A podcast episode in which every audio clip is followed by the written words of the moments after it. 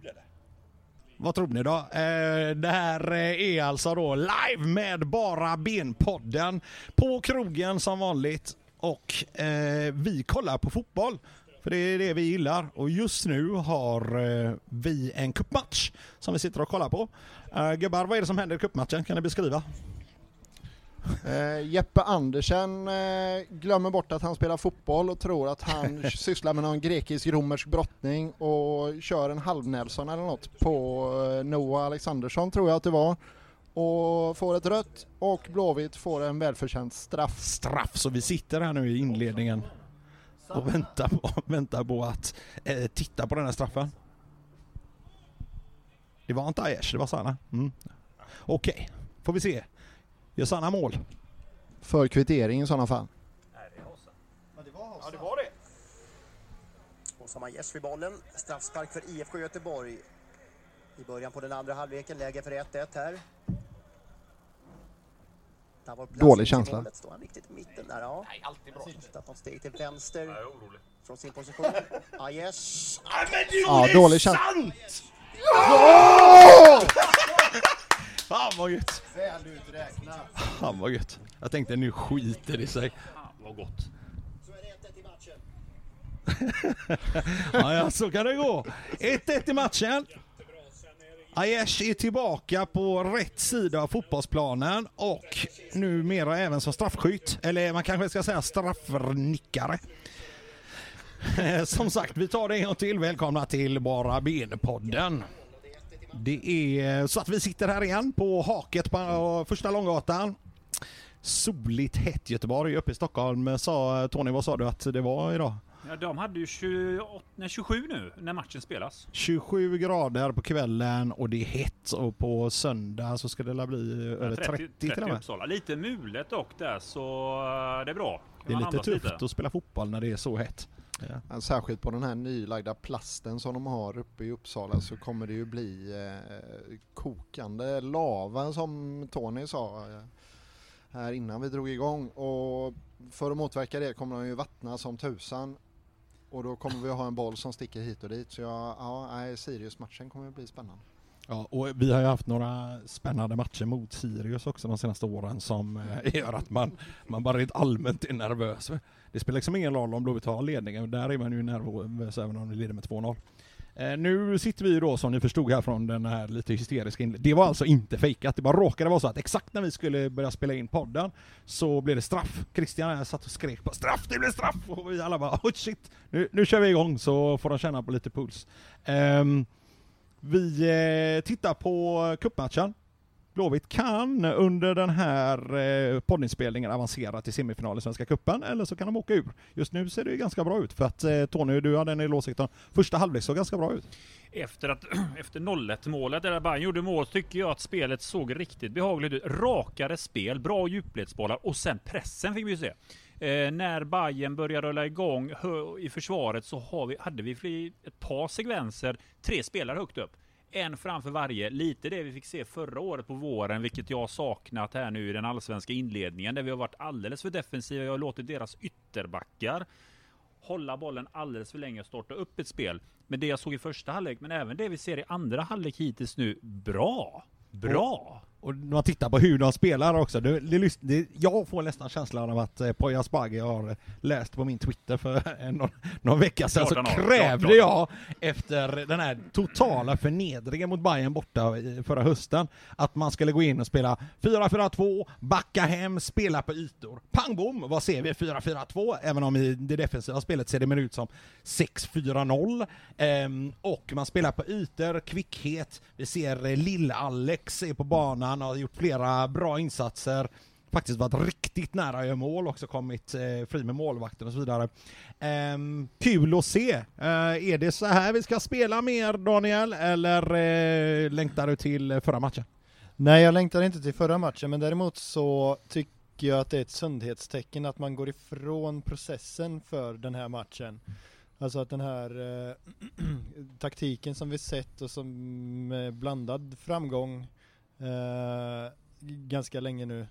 Eh, att, att man vågar ta ett steg tillbaka från processen och spela för att vinna just den här enskilda matchen. Det tycker jag är mm, positivt. Det är väl lite mm, det man, i alla fall, jag vet inte om ni håller med mig, men jag i alla fall har längtat efter ett Blåvitt som kanske är mer anpassat sitt spel efter vilka man möter och vilka svagheter och styrkor det laget har, än att så här alltid tro på till absurdum på sitt eget system och alltid tvinga fram det här systemet. Alltså kolla, kolla hur högt upp vi är. Kolla, kolla hur högt upp vi är. Vi har ju saknat det här de andra matcherna. Det är bra podd nu när man pekar här för övrigt. Men eh, just nu när Bayern tar tillbaks bollen och eh, ska börja upp spelet så har vi alltså tre gubbar högt upp. Bayern blir pressade. Se bara passningen där. Alltså vi är på varenda en. Det är en helt annan attityd på spelarna. Och den här matchen, den vad vi har sett mot Mjällby, Varberg och Elfsborg. Det är jättestor skillnad. Det här är vackert. Nu har de i och för sig en halvtimme på sig att rasa ihop här.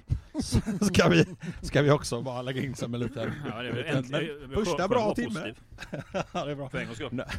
Jag försökte vara görpositiv inför den här matchen också. Alltså, sociala medier och Jo, interna debatter och... Jo, jag skrev det var en utmärkt startelva skrev jag på Twitter. Helt klockren, jag hade noll klagomål. Så um, jag hoppas att, eh, jag hoppas att det här går vägen och att vi um, avancerar i cupen, för det är väl ändå rimligt sett våran chans att spela i Europa eh, ja, nästa år. Alltså jag, när jag såg elvan var ju inte alls lika optimistisk som du. Jag tyckte ju att det kändes som att eh, fan Poja och KG de, eh, de vaskar kuppen. Varför då?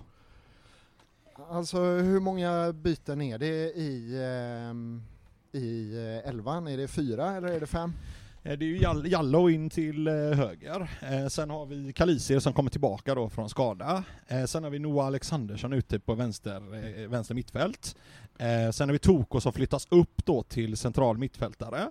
Eh, Alltså det beror på om man ser det som en förändring, men man kan ju se det som kommer in också. Ja. Holm Mm. som forward, men man Så kan ju också se som Aiesh fyra- flyttas ju också, även om det inte är hans ordinarie position så att säga. Ja, nej, men det är ju fyra nya gubbar in, plus Ja. att vi ändrar spelsystemet helt och hållet.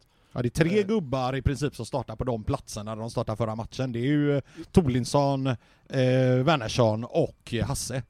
Anestis också, som Ja, tur förlåt. är. Ja, såklart. Men jag menar Men- utespelare då. Ja, ja nej men, och, och där någonstans så kändes det som att eh, okej, man vilar alla för att ta tre till i Allsvenskan eh, i Uppsala och nu den här, efter den här timmen så, så har, är det uppenbart att jag har fel. Ja, jag, jag, känner, jag känner ju- inte så av den simpla anledningen att eftersom det är så, alltså alla pratar om det, ja det är så intensivt matchande. Ja, det är det och därför måste man också rotera lite i laget för att annars så, dels går de sönder gubbarna, eh, dels, det är många som har skavanker liksom, Georgie är fortfarande inte tillbaka, vi har KDG skadad eh, och så vidare och så vidare. Och det känns som att vissa är lite på gränsen, Söder nu till exempel, han var med i truppen, sen var han inte med liksom här idag trots allt eftersom att man liksom har någon skavank på han. Det är väl bra att han roterar. jag skulle ju inte satsa fru och hem, men eh, alltså jag ska ju satsa alla mina cyklar på att Söder spelar i Uppsala. Ja, det, det kanske är så. Men, jag tror att man eh, vilar honom här idag. Men Sargon kanske är den som egentligen borde få spela eftersom att han avgjorde förra matchen och numera har blivit en stor favorit hos Daniel, eller? eller? Nej men eh, jag är inte positivt inställd till Sargon på en eh, kant. Så Nej. mycket kan jag säga. Jag tycker att Sargon eh, har ju blivit en allsvensk spelare nu måste jag ju säga. Jag tyckte att förra året så kändes det som en superettan-spelare. Eh, det tycker jag inte att det var, framförallt i förra matchen där han hade ganska många fina aktioner. Men jag hade hellre velat se honom centralt som, som anfallare för att han har väldigt fina fötter, han är grym faktiskt på Men små ytor. Hänger inte det ihop lite grann också med hur vi faktiskt spelar? För när vi spelar den här eh, Eh, 4-3-3 eller 4-5-1 beroende på hur man ser på, eh, förlåt, eh, sparkar folk här under bordet också.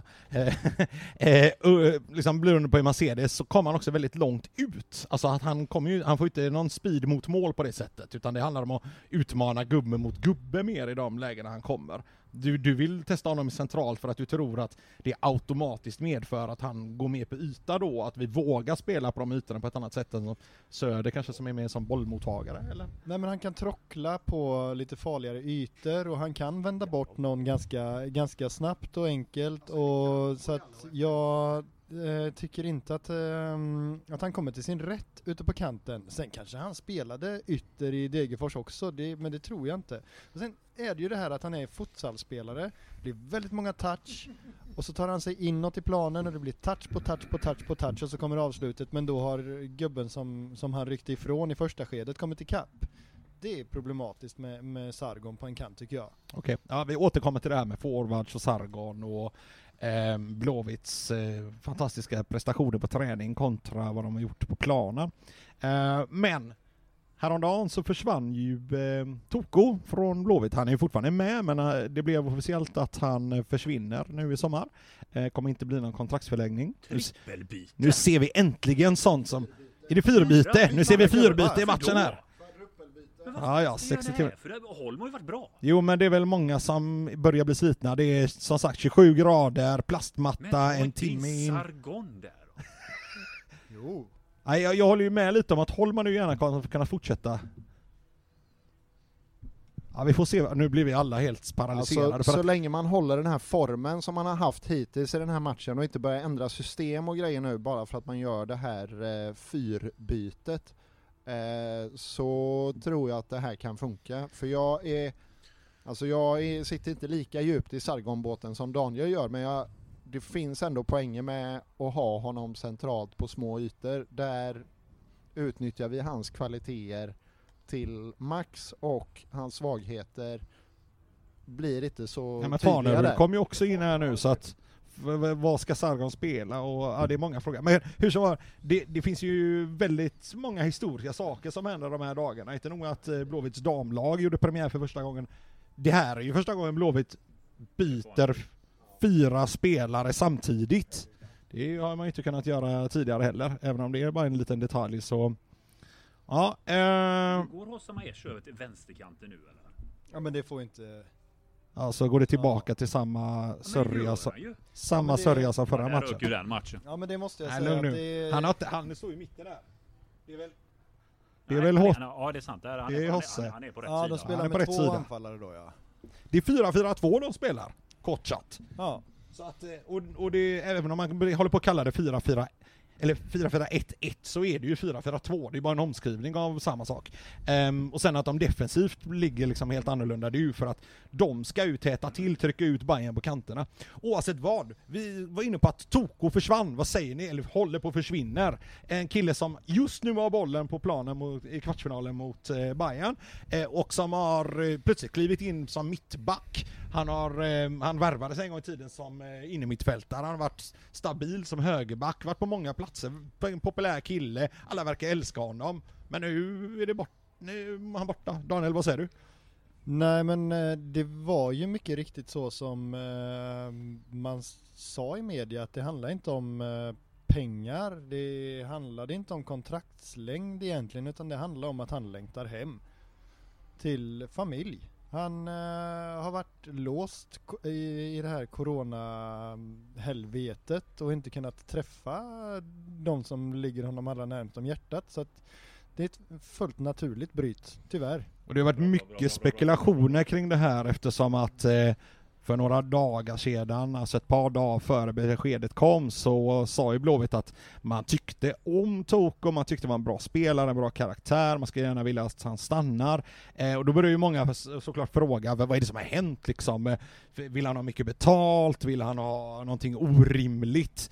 Eh, men vi har ju då fått höra, precis som du är inne på här Daniel, att eh, orsakerna var mycket mer eh, enkla kan man säga, eller djupa beroende på hur man ser det. Det är familjesituationen som lockar. Han vill inte ha ett eh, kort kontrakt i Göteborg. Han vill väl eh, spela någonstans livet ut förmodligen nu och han har inte sett sin familj på en halv evighet så han vill återvända dit var familjen finns och det är Schweiz i det här fallet. Ehm, Ja. Så han kommer väl att flytta hem till Schweiz förhoppningsvis. Kanske han får eh, något kontrakt i hög- högsta ligan, vem vet? Ja det hoppas jag. Jag önskar honom verkligen allt eh, gott i livet. Ehm, och Nu- fortsätta karriären. Ja, och man får ju ändå verkligen hoppas också att det här nu inte bara var tomma ord från hans sida, att han dyker upp i Djurgården eller eh, Elfsborg eller någonting om två månader. Det hoppas man ju inte. Malmö FF eh, nobbade väl Lustig enligt eh, rykten här nu nyligen. De kanske är ute efter en annan högerback. Ja, alltså på något sätt kan man ju se det hända efter hela ormen-situationen för några år sedan. Nej, alltså jag tror ju inte på det egentligen. Det, bara, bara det, det kliar ju lite igen. Sen, men sen är det ju så också att eh, han har faktiskt själv uttalat sig till Fotbollskanalen, Toko, och sagt att eh, är det Sverige så är det sannolikt i alla fall inget annat lag. Han, han har inte sagt hundra, men han sa sannolikt för att IFK Göteborg är lite av hans klubb här och grejen just att han inte förlänger är att han vill på grund av den här coronasituationen återvända, träffa sin eh, familj och leva ett lite mer normalt liv. Han har väl känt sig lite isolerad i Göteborg tyvärr. Eh, och det kan man väl bli lite grann eh, om man bara har fotbollsgrabbarna och alla fotbollsgrabbar nu för tiden de sköter sig. inte så många som springer på krogen som man gjorde på Glenn Hyséns tid. Um, jag tycker, då... det, jag tycker det är jättesynd att han lämnar. Uh, jag gillar honom. Det är, alltså, det är ingen kille som uh, man nämner att han är med i någon toppliga, allsvenskan, att det här är den absoluta toppspelaren bland allihopa. Men jag gillar hans karaktär. Vi pratade lite grann om Erlingmark. Tocco är ju för mig lite Erlingmark. Sätt han lite var som helst. Han löser ju det va. Sen tycker jag att han är en bra förebild. Jag tror att de unga spelarna har sett upp till honom. Det är en kille som har varit runt om i världen och spelat. Otroligt mån om kropp och hälsa. Viktigt med kosten, viktigt att hålla igång. Han har en ganska modern syn när det kommer till eh, att vara en elitidrottsman och vad man ska äta för mat. Han kör ju vegansk kost. Ja. Så det gör ju även andra spelare, sådana som Leo Messi och liknande. Eh, han kör ju också egentligen vegetariskt under säsongerna och sen går han till kött när det är eh, semester. Men det är liten trend, men han, han, han, eh, man får ju säga det, han har ju en han är en väl, välformad kropp och håller igång. Jag tror det är viktigt med en sån som pratar om kost, hålla igång, vila. Och jag tror han har betytt mycket för de unga spelarna. Sveriges bästa simmerska Sara Sjöström har ju nyligen gått över och slutat att äta kött också. Det finns en trend lite av det. Mm. Den här Netflix-dokumentären med Arnold Schwarzenegger och andra profiler som eh, hypar vegankost även för folk som håller på med styrketräning och kraftsporter och liknande. Uh, är, du, är du vegan, Christian? Nej, det är jag inte faktiskt. Det handlar väl eh, mest om att jag är lite slapp, eller att vi i familjen är lite slappa. Vi äter mycket vegetariskt. Men, du, du skulle eh, vilja vara vegan eller liksom eh, alltså, en dag? En ja, dag? nej men alltså rent, rent principiellt så, hade jag, så, så tycker jag väl att man borde vara det om man bryr sig om miljön på det sättet som jag gör. Ja, så bra. det blir ju lite hyckleri att inte göra det. Men jag skyller på småbarnslivet och att man behöver de här lite snabba enkla lösningarna. Eh, nej, men det jag tänkte på med Toko också det är ju att han, eh, vi hade ju eh, Sanna och eh, Hasse som körde eh, Black Lives Matter eh, knäfirandet eh, häromsistens. Och jag vet att Toko har varit eh, väldigt aktiv i eh, sociala medier och, och, grejer kring det här också. Och ja, nej men en förebild och en toppenkille som vi tappar där. Ja, fasen det är inte ofta man eh, saknar de här legoknäktarna som kommer in, kör ett och ett halvt år, startar upp karriären och drar igen. Men Toko kommer jag nog ändå tänka på om ett år och känna att jag saknar lite grann tror jag. Alltså, nej, jag måste medge att jag missade eh, den, det firandet under matchen, jag måste ha hållit på med något frivarv eh, eller någon volt eller liknande i mitt vardagsrum. Eh, jag såg det på Bara Bens Twitter sen och det var väldigt många reaktioner. Eh, dels att många som likade och retweetade och liksom tyckte att det var en positiv grej att Blåvitts spelare liksom manifesterade för det här, men sen var det också en del tråkiga kommentarer, vilket det oftast för sig är på Twitter. Ehm, vad tycker ni om den aktionen? Var det, är det någonting som bara är tummarna upp eller, eller är det känsligt liksom? Tummen upp. Vi har varit inne på det tidigare. Ja, tummen, tummen upp. Ja, alla är tummen upp. Här är det det är inga, det är inga gnällgubbar som sitter. Nej, men det är, det är inte politik, det är mänskliga rättigheter. Jo, jag vet alla säger det, men inte mänskliga rättigheter politik då. Ja det kanske det är, men jag... Är inte det mänskliga rättigheter man vill ha i Kina? Och då är det väl politik, mänskliga rättigheter för typ eh, uigurerna. Jo, absolut. Eller Hongkong för den delen. Men jag tycker, ja, det går jag, att diskutera fram och tillbaka det där. Det går att diskutera fram och tillbaka, men jag tycker ju att det här handlar ju om vanligt jävla vett. Vanligt hyfs och sans. Det är ju helt uppenbart politik i USA som vi ändå räknar som en demokrati. Ja, eh, ja vi får väl se om det blir det till vintern, men det är en annan femma. Eh, men det här med snacket om Sargon och snacket om Toko, det är mycket snack om gubbarna som är i laget nu, för att på något sätt med den här corona-allsvenskan som vi har, så får vi räkna med att det kanske inte blir lika många transfers som det hade blivit en normal säsong, inte lika mycket rörelse. Och vi har nog ungefär den trupp vi har idag. Jag tror, jag tror ju fortfarande att eh, Alexander Farnerud kanske inte är den slutgiltiga, eh, oj vilket dåligt ordval, slutgiltiga lösningen, på, på, på forwards, på forwardsidan med Blåvitt långsiktigt direkt. Men, men eh, så att det kanske är någon forward som jagas. Vad tror vi om det här med forwardsituationen? För nu tittar vi ju på en match där eh, Söder plötsligt inte är med, eller plötsligt, han var ju inte med senast heller, eller vänta nu, börjar bli helt senil. Var han det? Det var Nej. Fanerud som startade senast och nu är Söder borta igen. Nu startar inte Fanerud, nu hoppar Fanerud in istället. Eh, Den här matchen så är det en annorlunda lösning, vi lyfter upp en back som är stor och stark. Lite så som förr i tiden när man lyfter upp en, en Stiller var inte så himla stor men han, kände, han var väldigt stark i alla fall, eller, eller en Erlingmark för den delen, när man tar upp en back. Stiller var ju bred som en laggårdsvägg. Ja men inte lång. Stabbe, ja. Ja. Men eh, i forwardsituationen, vad tror ni om den här? Alltså, eh, det är väl lite, vi pratade i början av säsongen här om att försvaret var akilleshälen, men nu börjar jag känna lite att med tätt matchande, ett, alltså skadeinfernot som eh, Tony har pratat om här, eller sk- skadeallsvenskan eller vad man kallar det. Skadeinferno. Ja. Eh, alltså, vi har gamla gubbar här nu som våra forwards. Vad, vad, hur ska vi lösa det? här? Jag tycker att det vi ser idag, just nu tittar vi på matchen, det är ett helt annat anfallsspel och det är inte bara för att anfallarna är med på tårna utan det är passningarna, det är djupled, vi följer mer med upp och vi är högre upp på banan. Alltså om vi sett de andra matcherna nu i Allsvenskan tycker jag ju att Robin Söder, han har ju till exempel, han har varit ganska upp, högt upp i banan, har fått kritik, oförtjänt mycket kritik kan jag anse. Han har inte varit bra, men han har inte haft någon form som har backat upp honom heller. Vi har ju inte haft våra yttrar då som ska vara anfallare också, att de har följt med upp, utan han har fått stå helt solokvisten och så har vi varit för defensiva. Vi har varit centralt hela tiden. Vi har inte haft knappt en boll in i straffområdet Nej, men, nej, liksom. men, alltså kantspelet för mig, är o, eh, den har inte existerat, den har inte varit kreativ överhuvudtaget. När vi väl har spelat ut den till kanten, då har det varit för sent och så har vi haft en back som har varit på den spelaren med en gång. Det vi ser här är att här är det liksom lite grann som var förra året på våren, att alla följer med upp, alla är med upp Ja. i linjen, släpper inte sina linjer. Det är en helt annan pressspel. Och då funkar vårt anfallsspel. Men inte att det ska börja rullas runt i försvaret, rullas runt i mitten och vi ska leka Barcelona. Nej. För att sen efter 625 passningen komma till ett avslut. Det funkar, det går för långsamt. Nej, men det här spelsystemet också, när man, när man spelar 4-4-1-1 eller 4-4-2, eh, då får du ju effektivt sett när du är i bollvändningarna, eller i, så får du ju fyra forwards. men kolla, kolla, kolla pressen, kolla där. Ja, pressen. nu är de uppe och Ja. pressar hela vägen. ja. Direkt!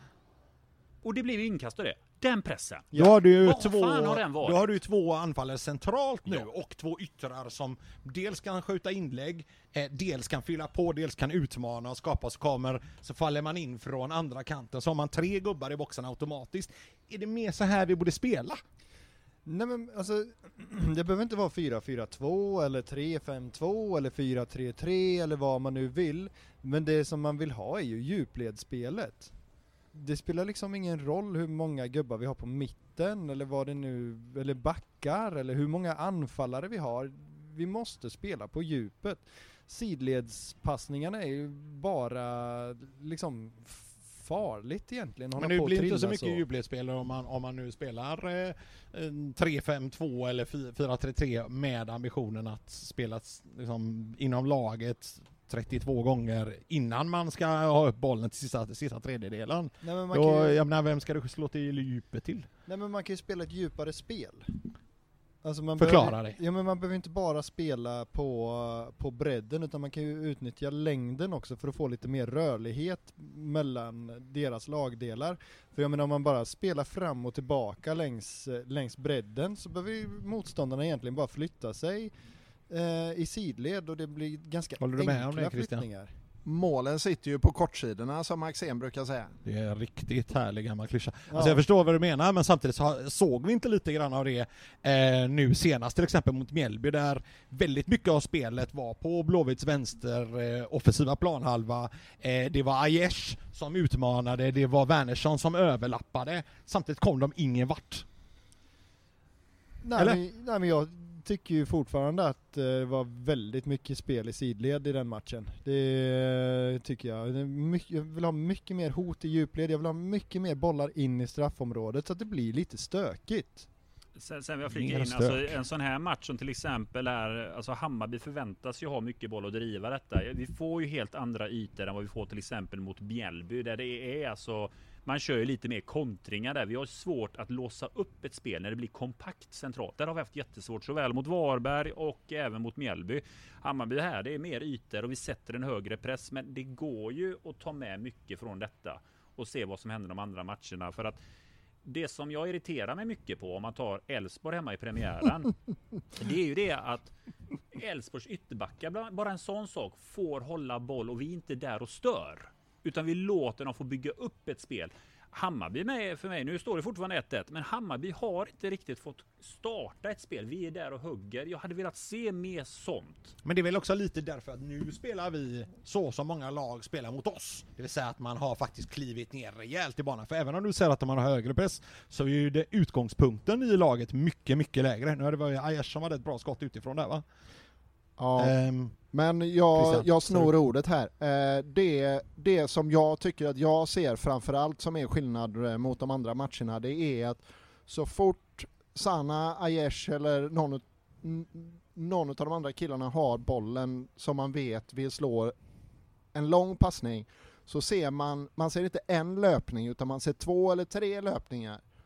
Eh, det är på ett helt annat sätt än vad man har sett i de andra matcherna. det bottnar lite i attityd eller vad då? Alltså, Alltså jag, det är inte nya Ja. fotbollsspelare, det är ju samma trupp liksom. Oj. Ja, fast det är ju fyra nya killar och eh, de spelar på nya positioner och sådär. Men alltså jag, Du kan Jag- fråga jag- sig varför jag de inte är liksom- hittills. jag är ju typ allergisk mot eh, den här sägningen att varför kämpar ni inte? Visa lite hjärta och spring och, och sådär.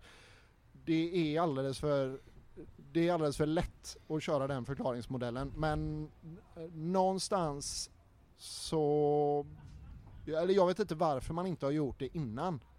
Eh, men nu så gör man det väldigt tydligt tycker jag. Eh, bra, bra att se här nu under den här matchen också hur vi rör bollen. Just vad du pratar om här Daniel, snabbt och effektivt från innermittfältare ut på yttermittfältare vilket gör, och, och att bollen går framåt medan man gör det vilket gör att spelet blir mycket snabbare. Eh, gillar du det du ser i, i eh, kvarten här? Ja, och sen, men jag är en enkel man. Jag kommer från Götene, jag är uppvuxen med 4-4-2. Ja, exakt. Jag hade en, jag hade en 3-5-2-period. jag är från eh, Hisingen. Ja, exakt. Men eh, jag gillar det här raka. Däremot så tycker jag att eh, bollen ska vara på marken för att det tar alldeles för lång tid om man ska hålla på och ta upp den i luften och så ska det stångas och bråkas. Det, Men du ville ju ha någon som skulle kaosa och stångas inne i, i mitten. ja men det är en ska- annan sak. Jaha, det är en annan sak. Då ska de passa bollen längs marken in till Sargonsson, kaosa loss Ja, tills jag, han gör mål eller? ja, men jag vill ha det djupa spelet längs marken för att bollen går mycket snabbare längs marken än om, än om den ska liksom upp till eh, molnen och vända. Ja, ja. Det Jo, men alltså, och det går ju dessutom att skicka ut bollen på marken ut till kanten och sen lyfta in någonting till någon och stångas på där inne. Det ser vi ju lite exempel på i matchen här just nu eftersom att vi Mm. använder våra kanter mycket bättre än vad vi gjort innan. Och det har väl lite också att göra med att nu plötsligt har vi en Aiesh på rätt sida som jag tycker ju han är överlägset bästa ytter vi har i det här laget. Kanske en av de bästa yttrarna i Allsvenskan faktiskt. En jättebra värvning av Blåvitt när, när han gjordes. Ehm, och nu, nu kommer han till rätta på ett helt annat sätt än faktiskt spela på rätt plats. Vilket väl hjälper också till att Blåvitt eh, får lite mer ja, vasst kantspel. Härligt, nu fick man en ny bärs av Kattis också. Oj, oj, oj. Ja, vi sitter här på haket på första Långgatan och göttar oss i solen medan vi kollar på Blåvitt så som man ska göra, så som sig bör. Vi eh, snackade ju lite om eh, gubbar som är duktiga på träning kontra gubbar som är duktiga på match och här har vi massa killar som har uppenbarligen visat upp sig och varit jätteduktiga på träning och bara hoppar in och Alexandersson startar i en cupkvart till exempel. Det är ju helt otroligt. Han måste ju ha gjort väldigt bra ifrån sig på träning. Sargon sägs ha gjort helt otroligt ifrån sig på träning, eh, i alla fall på Jansbagi och eh, Jens Fjällström var det väl som också eh, mässade med i den kören. Det här med träning vet vi inte så mycket om nu för eh, väldigt ofta så är träningarna stängda. Inte bara i Blåvitt men många lag i Allsvenskan. Vad, vad, vad tycker man om det här egentligen? Stängda träningar till höger och vänster i Allsvenskan. Är de, har de storhetsvansinne eller är det klokt av dem att hemlighålla sina planer? Alltså, så här då, i Blåvitt, vi började med de stängda träningarna någon gång eh, 2018. Eh, hur har utvecklingen sett ut sedan dess? Ja, det är ju inte succé. Det är den inte. Sen så hade vi mot Varberg så hade vi ett par fina fasta som jag kan tänka mig att man eh, kanske inte hade tränat in eh, på öppen träning eh, på samma sätt. Så jag vet inte, jag är... ehm, jag sitter på gärdsgården i den här frågan. Eh, jag kan tycka att det finns en poäng med att ha de här stängda träningarna just för de här momenten att man får helt fräscha fasta situationer. Eh, man får eh, det som vi gör idag där man ändrar om hela elvan, ändrar om hela spelsystemet och ja, nu är det väl lite mycket sagt att säga att vi chockar Bayern men eh, Ja, lite så kan man ändå säga. Jag menar, de hade ute räknat, även om de trodde att vi skulle rotera en del spelare eftersom att det är så tätt matchande. Jag tror inte de hade trott att vi skulle börja med Jallo och Alexandersson och Toko på mitten och sådär. Det har ju inte de scoutat, så att det blir ju lite av en överraskningseffekt. Så att då är det väl ganska positiv effekt av stängda träningar. Nej men jag tycker att den eh, liksom sista träningen inför match, absolut stäng den, det har jag inga större problem med. Men däremot så har jag problem med när tre, fyra, fem träningar innan match stängs, för det tycker jag att vi, de sitter ju inte på liksom några kärnvapenskoder som de ska hemlighålla, så är, Är det du ju säker faktiskt på inte. det? Ja, ja, det är max kanske i och för sig, jag vet inte. Känns som en viktig person faktiskt. Exakt. Viktigare än Trump i alla fall. Men, Ja, nej men eh, jag tycker att det blir lite löjligt. Men samtidigt så tycker jag inte att man ska hålla på och göra träningar till happenings. Jag tycker inte att man ska hålla på och ta dit liksom grillar så att man ska kunna köpa mat. Och det inte ens på vara- Kamratgårdsdagen. Jo, på kamratgårds kamratgårdsdagen, men inte liksom vid andra tillfällen. Jag- En träning är en träning och man ska kunna gå dit och kolla, men men Ja, inte... Jag, jag vill ha mer. Alltså, alla de gånger jag varit uppe på Kamratgården och sett träningar. Vet du hur mycket pengar jag hade gett i Blåvitt om de hade sålt mat och dryck där? Tänk om de hade sålt bärs på Kamratgården. Det är lite mer som i Tyskland liksom. Man kan ha stått där vid... 12 någonstans. Ja, precis, Bayern Münchens eh, träningsanläggning och dricker starköl. Det kan man ju säkert. Jag har ingen aning men jag Nej men det. en foodtruck där och bärs. Du Ja. är hemma. Ja, det är extra kosing och man ger tillbaka lite. Alltså det fanns ju, eller finns, eh, långt gångna planer på, eh, på läktare och grejer uppe på Kamratgården. Eh, de föll lite grann eh, dock på omröstningen av damlaget att de ska ha en egen sektion eh, framöver. Men eh, damlaget, då, då tanken var att de skulle spela sina matcher där uppe helt enkelt. Eh, det var därför man ville ha en. Tanken var att man skulle hitta en synergieffekt helt enkelt Mm. där eh, damlaget har sin eh, hemmaplan på Kamratgården och eh, A-laget kan göra grejer kring sin träning om man vill. Eh, och man får helt andra möjligheter att filma träning etc. för man får läktare. Ja, Ja, jag, personligen så tycker jag ju att eh, det är helt okej utan läktare av den simpla anledningen att jag anser att fokus borde vara, ska det byggas nya läktare ska det vara den nya arenan som IFK Göteborg ska bygga, miljardarenan i Göteborg, som vi ska finansiera tillsammans med stora miljardföretag i den här regionen, vilket borde ha sjösatts redan för 10 eller 15 år sedan och är vansinnigt trött på att vänta och vänta och vänta medan vi går till den här betongklossen som kommunen har byggt för oss. Så Max, Kom igen nu, sätt igång de här planerna, corona eller ej, nu är det dags att gå på offensiven. Eh, läktare vid Kamratgården var det va? Jag det. älskar att vi ramlade sidledes in i först damlaget och sen vidare in i arenafrågan. Eh, det är fint, det är fint. Det är, det är så som det kan bli när man spelar en podd på krogen. Ja, alltså eh, skadehemligheten eh, är ju lite kopplad till det här med stängda träningar för att eh, ja, alltså allting kring Blåvitt verkar vara lite mer hemligt nu för tiden. Vi vill inte att folk, folk och då journalister kanske framför framförallt och motståndare, scouter ska se eh, våra träningar. Eh, men vi vill inte heller att eh, motståndare, journalister eller eventuella köpande klubbar ute i världen ska veta så mycket om våra spelares skador. Eh, vilket gör att just nu är det en massa spelare som kanske är skadade. Georgi kanske är skadad. Det är ingen som säger något riktigt om det. Han har varit skadad, han är på väg tillbaka. Han är inte riktigt där. Han är, han är med på träningarna, han är matchredo sägs det, men ändå så är han inte med i eh, laget. Trots att de är i truppen om och om igen. Vad, vad, vad, är, vad är det som pågår?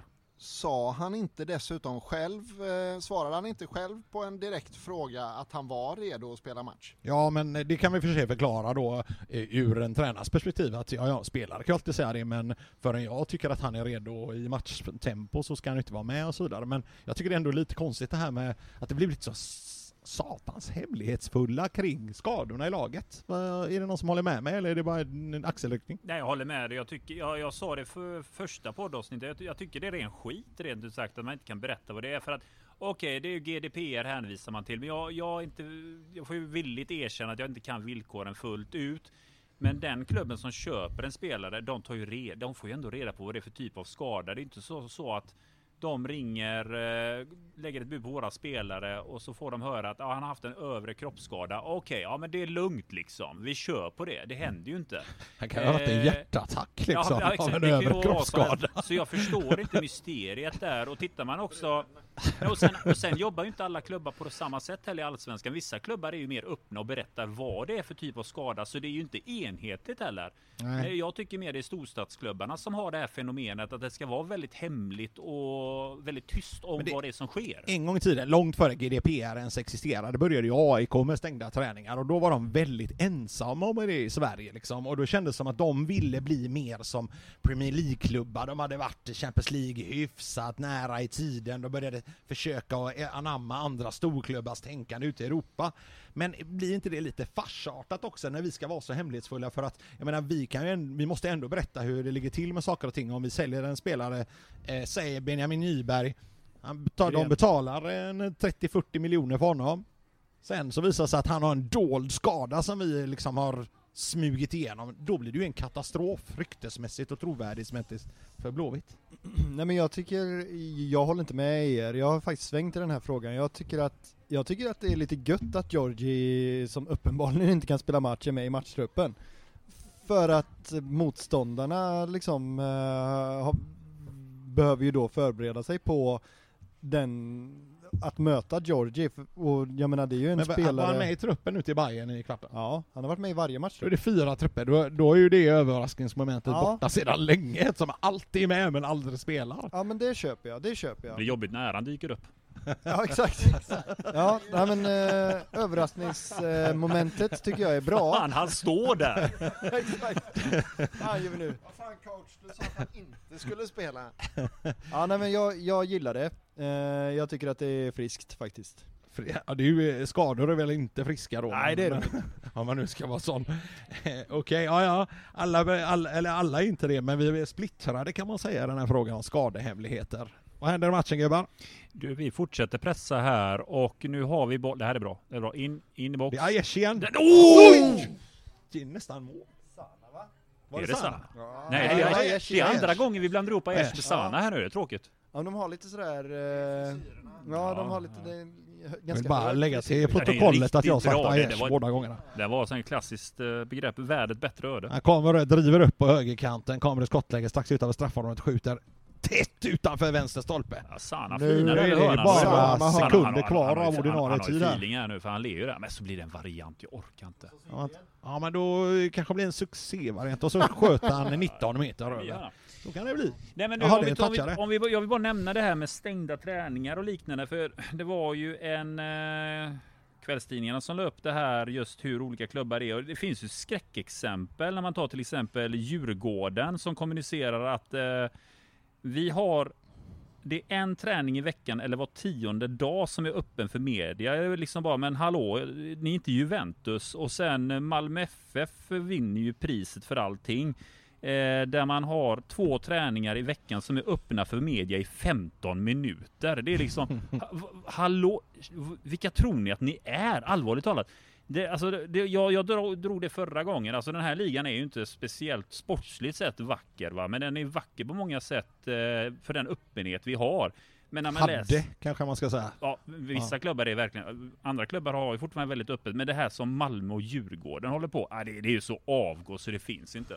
Men det blir lite bara som att de tillåter fotografer komma dit och ta bilder så att de har träningsbilder på spelarna. För att jag menar, det finns ingen sportjournalist som kan gå dit och se något på en kvart. Liksom. Ja, men, Den vad, vad, de vad, vad som händer härnäst på sådana här klubbar kommer vara att de kommer välja ut vilken media som får vara på plats. Och det är ju Mm. de som pratar väldigt bra. Det är ju Sydsvenskan visserligen, men alltså det, det kommer bli det här. Det är precis som det är Premier League, liksom att eh, vilka är det som får intervjua spelarna? Ja, de som cashar in mest pengar och de som är väldigt positiva. Det får inte sägas något negativt. De, det blir ju en selektering och det Ja. blir ju ett himla gullande. Mm. De kritiska frågorna, de här riktigt vassa frågorna. Alltså det kommer mer och mer försvinna. Det blir en skyddad verksamhet. Och jag är vansinnig på sånt, för fotboll är öppenhet och allsvenskan ska vara öppen. Och i Malmö är ett sånt extra problem just att Mal- Malmö som stad, Sveriges tredje största stad, det finns ju inga konkurrenter.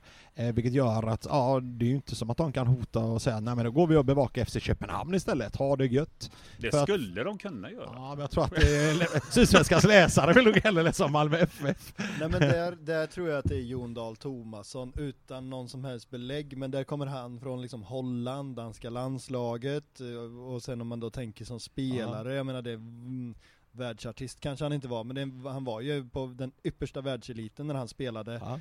Och så vill han väl sätta sin prägel, att Malmö ska bli ännu lite proffsigare, ännu lite bättre, och så stänger man träningarna. Och den mm, framtiden hoppas jag inte att vi i Blåvitt går till mötes. För det vore Men är väldigt det, tråkigt. är det inte, blir det inte lite konstigt här med då att varje gång man ska bli proffsig så att säga, eller mer som de ute i Europa, så ska man stänga igen sig lite mer som en mussla.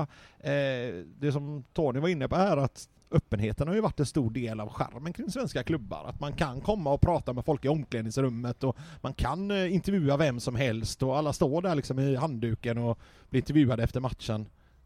Alltså det spännande är ju att nu eh, på kommunikationsavdelningen uppe på eh, Kamratgården så har vi ju en före detta journalist som har åtnjutit den här öppenheten och som har kommit åt spelarna hit och dit eh, men eh, som nu väljer att i alla fall vara med och stänga igen. Eh, är det inte lite Menar du propagandageneralen? Jag menar propagandageneralen. Okej. Jag vill inte kalla honom Bagdad Bob, men eh, det kanske vi ska åka, återkomma till. Sen är det väl kanske inte så att eh, press, press, presspersonen eh, i varje förening eh, är den som kanske dikterar policyn. Eh, Daniel var ju inne här på att Jon Dahl Tomasson är den som förmodligen har haft mest att säga till om hur tillgängliga man är kring laget i Malmö. Tror ni inte att det är så att Poya Asbaghi är den som har haft mest att säga till om hur tillgängligt det är kring IFK Göteborg? Du? I IFK Göteborg tror jag att det är Kenneth och Pontus som eh, tror... Ja, Jag tror du ska jag Poja skakar var på huvudet här. Poja var väldigt på för det här att han drev ju den linjen att han var väldigt positiv till att ha en stängd träning. Så Okej. mycket av den kommunikationen som jag läste i alla fall handlar ju om att Poja Nu- ville ha detta. Nu blåste de av ordinarie tid här va? ja, det, eller? det, jag Ja. tid nu ja. Ja, det är helt otroligt. Überzeit som man säger i Deutschland. Ja. Det har lite mer ljud Men här i bakgrunden man nej, nej, det, pågår. Det trodde faktiskt inte jag. Det, det, det kändes som en sån här Kenneth, han, har- han har ju varit ute i den stora vida fotbollsvärlden och, och förvisso i en annan tid och i ett annat liv. Men eh, jag trodde att det var Kenneth och Pontus som kom med den Men det var ju typen av... 2018 vi Ja. började stänga träningar. Ja, det är sant Så är det. Men då Dagen var, var, då var det från början var väl lite också av en effekt av att det gick ett kräftgång från första början. Eh, det gick ju inget bra för Blåvitt år ett med Poya Asbaghi, det får man ju lugnt säga. Då ville han väl kanske få lite lugn kring laget eftersom att då var ju media, de var ju ute efter honom kan man säga. Det var liksom en skalp som skulle tas. Ja men de hade ju vittring och det, det hade de ju med rätta för eh, det surrades ju både hit och dit om att han eh, skulle få gå. Mm. Så det var ju liksom inte utan anledning som de jagade honom. Ja, Blåvitt spelade ju riktigt rötet och höll ju på ett tag länge in på hösten och blandade sig i en kvalstrid.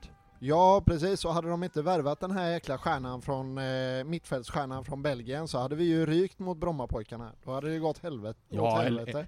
Ja precis, eller tagit in Hjalmar Jonsson på bänken. Det var mycket man ju förändrade i slutet av den serien va? Eh, jag vet inte om Poja har- stödjer den eh, historieskrivningen. Nej, jag har ju hört rykten om att det ska vara så att eh, vi, vi i Bara Men-podden hört att ehm, det var någon som blev erbjuden ett jobb där i samma veva också va? En andra tränare i Blåvitt strax före att eh, Poya Asbaghi plockades in till eh, IFK Göteborg så var det ju så att vi, vi hade ju Alf Westerberg som eh, ass, ass coach som man säger, assisterande coach, eh, assisterande manager. Och ryktet säger att han ska bli erbjuden eh, att ta över IFK Göteborg. Absolut. Det finns, eh, ah, substans vet jag inte, men eh, det finns eh, absolut källor som eh, Stödjer har- den teorin. Absolut, Mm. det finns det. Som att uh, Affe var definitivt en kandidat Framförallt när eh, det inte verkade bli någonting med brännan som eh, enligt vissa uppgifter skulle kosta alldeles för mycket att lösa. Sen vet vi ju att andra har påstått att eh, det inte handlade om pengar kring brännan heller. Nej precis. Så, Så och, att, och, och, och det är lite som ett toko, det handlar inte om pengar. Nej, precis. Det var, han hade alldeles för stor familj, de kunde, Blåvitt kunde inte, ta- de kunde inte ta hit hela hans familj liksom. Nej men det är väl tendensiösa källor om man, då, Ja. om man så säger. Men, Men eh, ryktet säger det alltså, absolut. och det är ett sånt rykte som känns så pass trovärdigt att vi ändå vågar ta upp det här i Bara Ben-podden som eh, förvisso kan vara skämtsam ibland men eh, när det snack, vi snackar transfers så de ryktena då håller vi oss till fakta. Ja absolut, absolut. Eller vad vi tror är fakta. Ja, ja precis. Nej men den är klurig, den är klurig eh, just den frågan. Men eh, enligt rykten så var Alf en kandidat till att få fortsätta blir det ju. Eh, Inte ta över egentligen, för han hade ju Ja, jobbet han så var ju vikarierande Ja. manager får man precis, ju säga att han var. Så är det ju. Men eh, vad tror ni här nu då? Blåvitt har ju faktiskt eh, kryssat här på borta från, eh, från, mot Bayern i kvarten i kuppen Vilket måste sägas är ett stort fall framåt jämfört med den eh, överkörningen som vi såg på samma arena, samma situation för ungefär ett halvår. Nej, men lite mer än ett halvår sedan är det ju. Det var väl i oktober. Är vi, Brag, Bragden på Tele2. är vi på väg mot första segern på Tele2? Har vi Ja. inte vunnit på Tele2? Jo, nej men det har vi ju. Mads Mikkelsen, eller var det ett kryss? Nej, vi vann. Vi vann. Vi vann eh, Ja. 2-1. Mads Mikkelsen är väl, Mads. eh, är väl en skådespelare. Häcken åkte ut. Vad fan heter Mikkelsen? Mats. Mikkelsen är han den där som gör alla reklamer för Jo, Jo, som var jo, Bondskurk och Ja, gör reklam för. Carlsberg. Mads, eh, vad fasen hette han? Mikkelsen hette han. Ja, skit, skit i det. Notera skall ju att eh, det finns en mycket större prestigekamp i detta och det är ju att Billborn har 3-0 i head-to-head coaching games mot Poya Asbaghi. Så att Asbaghi har aldrig tagit en skalp mot Billborn. Så skulle Blåvitt vinna här så är det en första vinst mot eh, Billborns tränarfenomen eller, eller eh, bundalag eller vad man nu vill kalla dem. Eh, ja, Ja. Jag vill, jag vill flika in i det där. Jag tycker ändå att eh, det är kul att se, det ser man i andra lag också, för jag, det nämns ju redan nu tycker jag i media att det är många talanger som blommar upp tidigt. Det är många som slår igenom. Det nämns spelare i diverse olika klubbar och det, vi har pratat om det. Jag tror på det här verkligen att eh, många talanger tar bra kliv nu när det inte är någon publik. Ja, du var ju inne både i eh, podden här för några avsnitt sedan Ja. just. Ehm, och det är väl jättekul att se Noah Alexandersson starta idag, Jallow startar Fantastisk idag. match. Jallow var kanon. Mm. Mads Mikkelsen heter ju såklart Thomas i förnamn. Ja. Thomas, just det, så var det ja. Thomas, det var en jäkla massa danskar ett tag i Blåvitt överlag. Först var det en jäkla massa nor- norrmän och sen var det en jäkla massa danskar. Var det inte så med Thomas Mikkelsen att inte ens danskarna förstod vad han sa? Ja, så är det. Jo men det är så Det härligt. Det, alltså. alltså jag, jag har ju gjort eh, en eh, kort session av mina studier gjorde jag i Silkeborg. Ehm, och jag så, ser mig själv som en person som förstår danska liksom. Det är, Ser lite dansk ut. Ja, kanske till och med ser lite dansk ut. En anekdot. Vilken Ja. jävla sågning! Jo, men i alla Det ser ut fall. som någon som Ja, nej, njuter men- av livet liksom, Nej, men- är nej, glad men jag- och... Ja, ja, precis. Så jag kommer dit, eh, glad i hågen och presenterar mig själv. Ja, precis. Ja, hej det Ful som fan. Ja men hej det är Daniel Andrén, jag är lärarpraktikanten och sen så svarar någon någonting som jag inte överhuvudtaget kan uttyda så jag byter till engelska.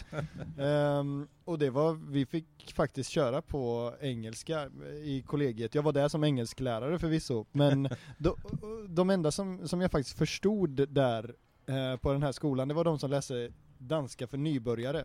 Vi förstod varandra. Eh, men de här... Och de var ehm, svenskar då eller? Nej, de var lite här och var ifrån. En nigerian bland annat. Men det var väldigt fascinerande just det här med att, eh, att danska kan vara riktigt, riktigt svårt alltså. Hörni, samtidigt som eh, eh, Blåvitt nu har startat eh, förlängningen mot Bayern i cupkvarten så får vi säga att vi har avslutat första halvlek av denna, detta avsnitt av eh, Bara Ben-podden och behöver ta oss en eh, bensträckare eh, så återkommer vi inom kort.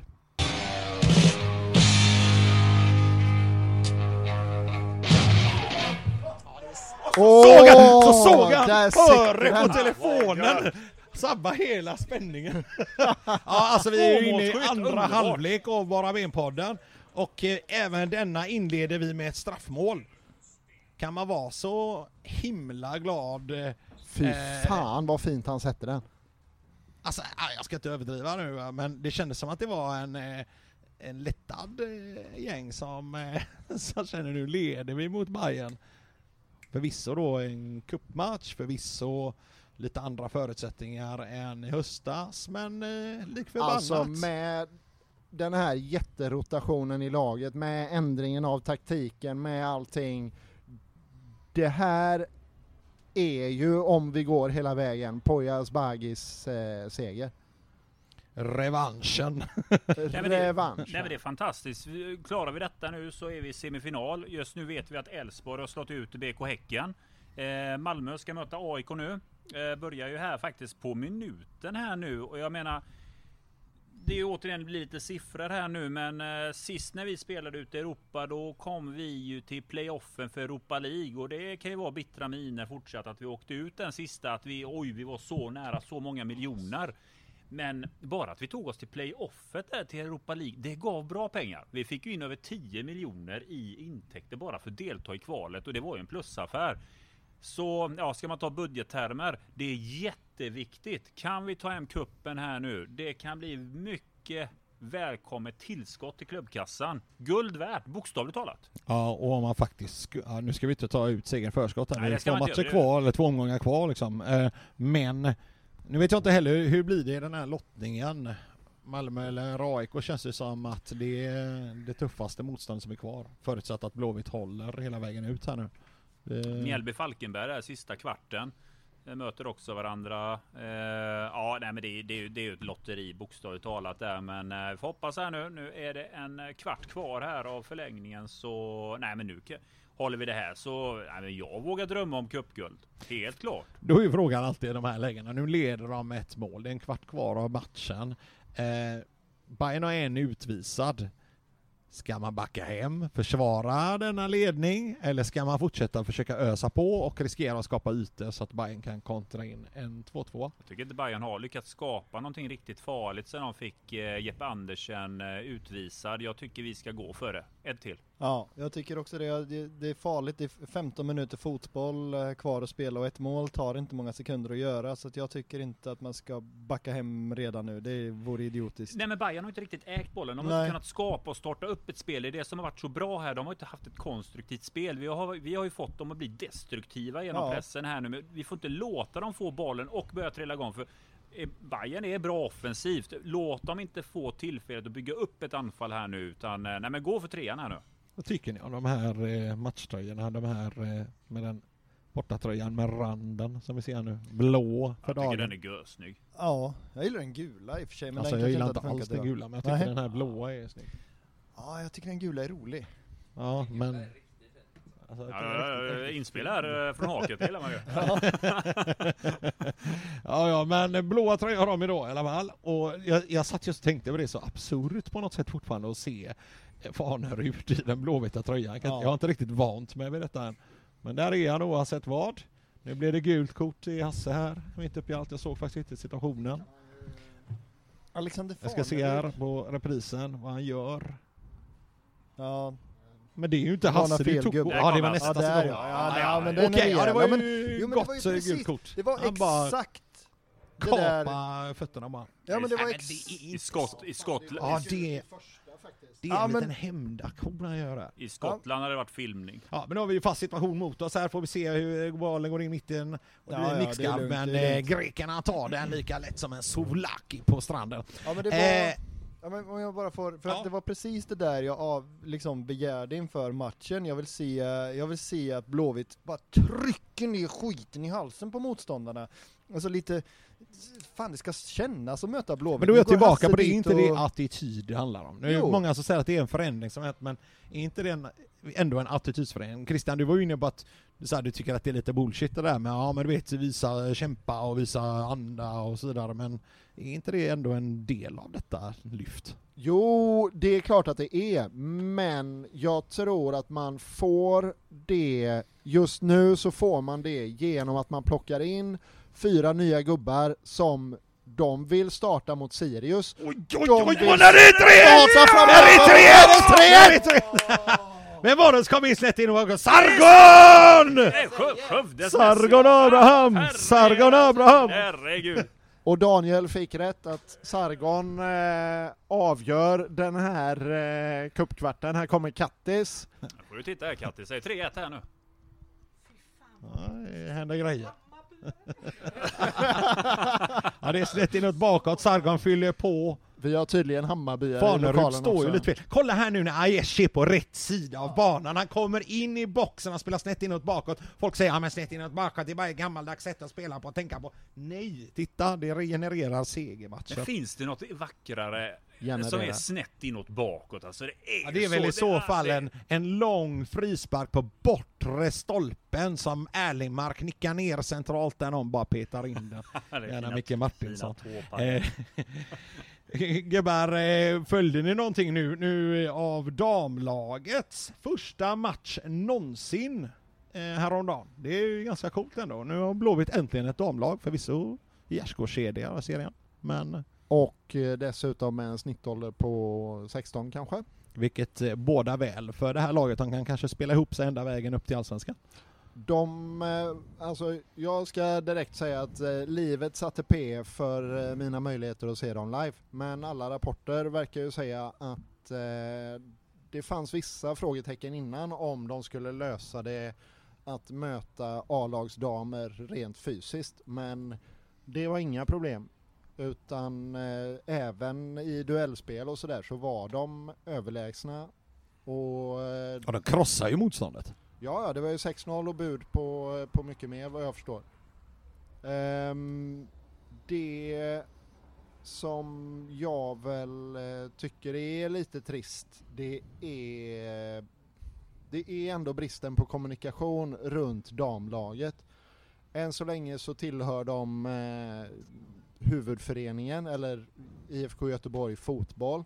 Eh, och jag tycker någonstans att den första seriematchen som man har med sitt nystartade damlag så visst, vi fick en matig fin liten presentation av alla spelarna. Vi eh, fick eh, ett referat av matchen, men jag tycker ändå att vi borde kunna kräva mer. I Ja. dessa coronatider och med alla brasklappar man kan lägga så tycker jag ändå att vi kan kräva mer. Tony, vad säger du? Och jag, alltså jag tänker ju på den här debatten att det är ju unga tjejer och att man kanske inte ska utsätta dem allt för mycket med kommunikation, att det blir någon press och liknande. Jag har funderat mycket i de banorna, men jag tänker mycket på hur de eventuellt kan ha känt att de är ändå med och skapar historia. Alltså det här gänget som fick eh, gå ut på plan fick vara med om någonting otroligt stort. De fick spela den första tävlingsmatchen för IFK Göteborg. Och det här är ju en eh, generation där sociala medier är ju mer än en vardag. Jag Ja, de tar- är väl mer än vana att eh, vara i sociala medier. Ja men, och... ja men lite så, och jag kan, ju, jag kan ju tänka mig att de hade känt en enorm stolthet att blivit omnämnda, att få en rapportering och att liksom highlightas. Det, alltså det här har de bärt med sig hela sitt liv, att få vara en del utav detta. Det, Du är ju själv coach för småtjejer, eh, så att du kan ju lite sätta dig in i situationen. De är väl ännu yngre, men... eh, Ja, åtta år. Ja, precis. Eh, Så att de har inte riktigt kommit upp till det läget där man kan spela mot A-lag, men eh, just det här med att eh, det blir ju lite annorlunda situation ändå, även om man förstår Kristians kritik här eh, om att Blåvitt kanske borde ha liksom tagit det här på större allvar för en historisk händelse med första matchen, så är det ju kan man också på ett sätt förstå att det är lite känsligt och det är många föräldrar inblandade och det är unga tjejer och hur mycket, hur mycket ska vi sätta fokus på dem och kan man förstå det eller tror man bara att det här är slapphet från Blåvitt som faktiskt borde varit mer förberedda? Jag tycker att eh, man skulle, jag tycker min generella syn är att man skulle rapportera mycket mer. Jag, jag anser att eh, man kan prata mycket om fotbollssupportrar och ibland hur vi beter oss och vad, hur, vad vi får för, ta, vad vi för för talan. Men jag tvivlar på att det flödet, om vi hade förlorat igår, att det hade skrikits avgå. Det har jag väldigt svårt att se. Vi vet ju Det om hade väl varit du i så fall och Ja, Daniel här det- kanske. Alltså, veckans avgå. Nej men alltså, det, vi får tänka på det. Det är ju en ny klubb, det är en ny start, det är ett helt nytt gäng. Man fattar ju att nu börjar vi i division 4, vi har ju en resa att göra. Och här ska man ju fatta att allting sitter ju inte, det här är ju en start. Men herregud, hypa upp det. Jag är superstolt att det var match igår. Jag tycker det var görskoj att, att de till och med vann med 6-0. Det var ju lite över förväntan, för jag tänkte mer herregud, ett helt nytt lag, så ung, hur kan det gå? Det gick ju bättre än förväntat, så nej, mer rapport, mer, mer, mer. Alltså jag tror ju inte att det är brist på ambition eller eh, någon form utav eh, könssegregering eller liksom någonting sånt som ligger till grunden för det här utan jag tror att väldigt mycket är coronapermitteringar, det är brist på folk, eh, eh, brist på arbetstimmar helt enkelt. Och Alltså man kan säga att ah, men vad fan det är bara att sätta en telefon i handen på någon och så får de filma. Men Alltså där man i herrlaget har en massa folk runt omkring som gör saker under delar av match. Eh, så har man i damlaget typ ingen. Man Nej, har det två det coacher jag- och en som delar ut vatten. Jag och då finns det inför. ingen som kan stå och, och filma eh, matchen Men eller det, det här var ju uppehåll. Jag, nu minns inte jag, er- ni tre grabbar, vad ni tyckte om det här med egen sek- sektion och så vidare. Ja, men jag Det här tycker ju fortfarande att du har fel. Exakt det jag sa skulle hända om man inte har en egen sektion, att de alltid blir bortprioriterade. Men om de har en kommer egen sektion så kommer de ju inte få fler folk. Jo, för att de människorna kommer jobba ideellt för den sektionen i så men det fall. gör de ju redan. Jo men i så fall så finns det inga ursäkter, då borde de ha haft hundra artiklar om detta. Det, det har inget med corona att göra, för ideellt arbetande människor de blir inte friställda på grund av corona. Det är ju för att Blåvitts personal, alltså A-lagets, herrlagets personal, har nu fått de här grejerna på sina arbetsuppgifter. Eller hur? Annars hade det ju gjorts. Ja, så är det ju såklart. Det är också, nu, nu drar jag Blåvitts egna eh, förklaringsmodell här, men alltså det är ju såklart också att eh, det är division 5, det råder andra förhållanden runt de här Nej, det är division 4. Det råder andra förhållanden runt division 4-matcher på PSA jämfört med allsvenska matcher med Dplay och med massa folk på Ullevi. Och där på Ullevi finns det folk att sticka till en telefon eller en kamera för när de har slutat vara grindvakt så kan de intervjua Sana. På PSA så finns det inga grindvakter för du behöver inte ha det. För Nej, det men i det här fallet hade det räckt att man hade frågat eh, rektorn för eh, Cecilia för rektorn för Änglaskolan som var där.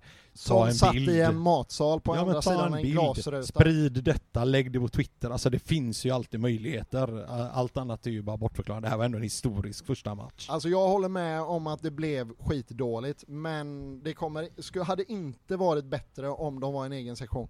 Så att det har blivit mycket bättre. Eller vi hade att till och har med fel. facit på att det blev dåligt nu.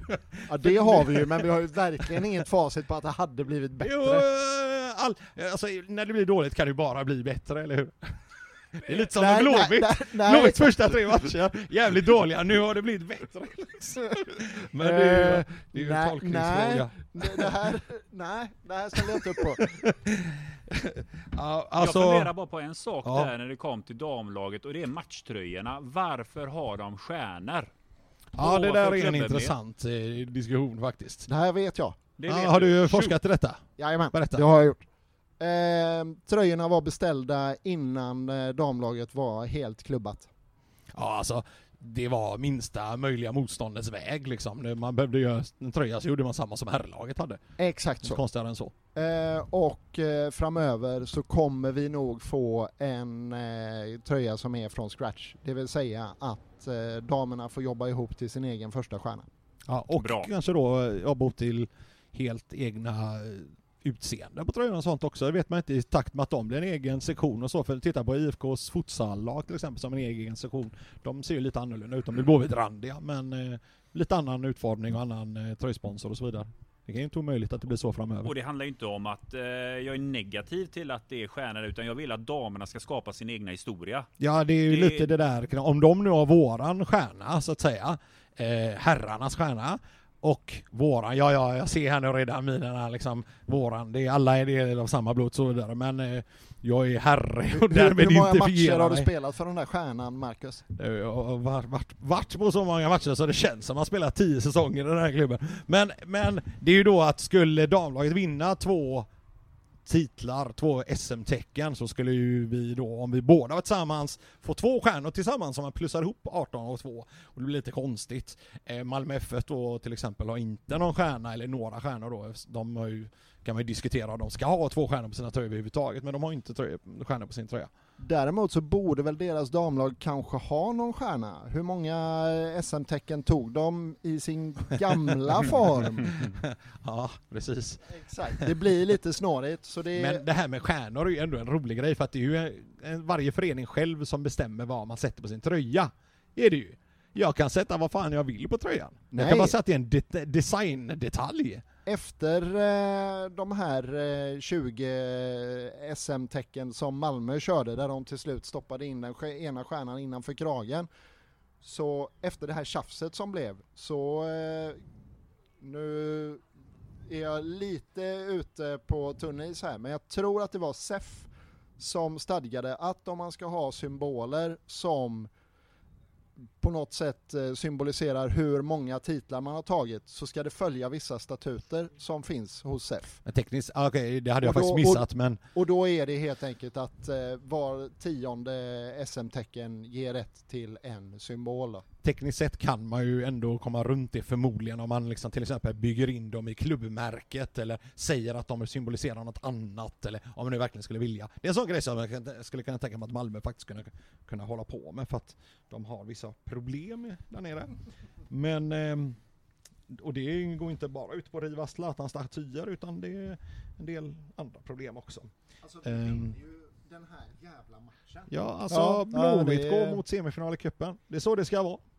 Blåvitt har ju haft mer cupframgångar de senaste åren, de- de senaste decennierna om man ska vara sån, än vad vi har haft allsvenska framgångar. Ehm, vi har ju cup, vi har ju faktiskt cuptitlar väl för de senaste två tränarna. Uh, Stare tog väl en cuptitel? Ja. Lennartsson tog väl en eh, cuptitel? Ja. Det kan bli tränare nummer tre i rad som tar en cuptitel om Ja. vi lyckas eh, gå Bara, bara hela vägen. Ja, Exakt. Ja men det är ändå eh, bra förutsättningar i semifinal. Det kan bli Asbagis första titel och kul för honom, det kommer att bli Asbagis första seger mot Billborn Ja. i hjärnornas match bakom kulisserna. Daniel, vad är känslan kring när du ser att Blåvitt äntligen spelar som de borde? Eh, resultatet är som det borde. Vi bara avancerar till semifinal. Allt känns väl precis som förr eller? Ja. Ja. ja men det som, jag, det som jag känner är att, fan, vi sjö- sjöng ju liksom vi är Blåvitt bäst i Sverige länge. Ehm, nu eh, finns det ju ett annat lag som har tagit över de där eh, flest antal titlar. Men jag menar, idag spelar vi ju faktiskt som att vi är Blåvitt, vilka fan är ni? Det är, det är ingen tvekan, vi, vi skäms inte, vi går dit och vi vinner den här matchen fullständigt rättvist. Och så får Adil göra ett inhopp idag också, det tycker jag är härligt.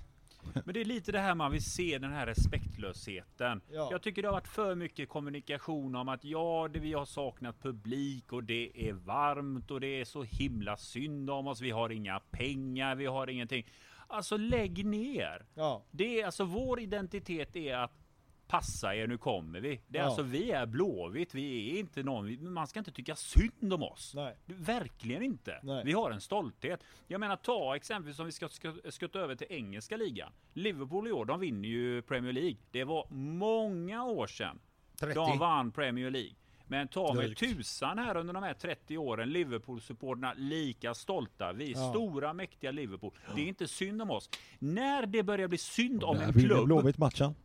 När det börjar bli synd om en klubb, det är Ja. då det börjar gå ner för. Ja. Ja, så jag kan ta Arsenal som exempel. Det började tidigt då gnälla. Ja, nu börjar de andra klubbarna få oljepengar. Vi har inte de resurserna. Åh, det gnälls och det gnälls och det gnälls. Milan samma sak. Ja, vi har inte råd. Det är så synd om oss. Ja, det är så kämpigt. Kolla på dem. Det där, de, Ja. de sover. Men det har med tusen aldrig varit synd om Liverpool som exempel. Till slut vänder det och nu Ja. är de giganter. Men de har inte glömt. De har stått fast vid det. Jag är ingen Liverpool-supporter ska jag poängtera. Men just det här att man är stolt.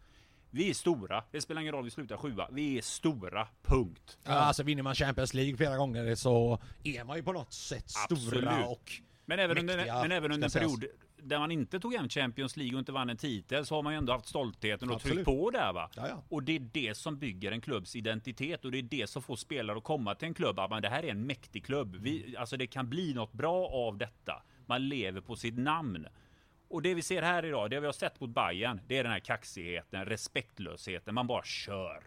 Och jag vågar påstå det att nu har det faktiskt nu efter Mjällby då såg ju lite andra tongångar på Twitter tycker jag och sociala medier. Alltså folk var ju vansinniga. Det har ju varit delat läger när Blåvitt spelar. Att när vi har torskat så har det varit att jo men lugn nu, det håller på att byggas upp någonting. I år känns det som att nu får det fan räcka. Ja. Alltså det blev ändå... tålamodet var slut. Ja men faktiskt, alltså jag upplever att det blev en storm efter Mjällby-matchen och det såg man ju bara när Blåvitt la upp eh, slutresultatet och den här smilen jag inte fattar mig på. Lägg ner smilen Blåvitt.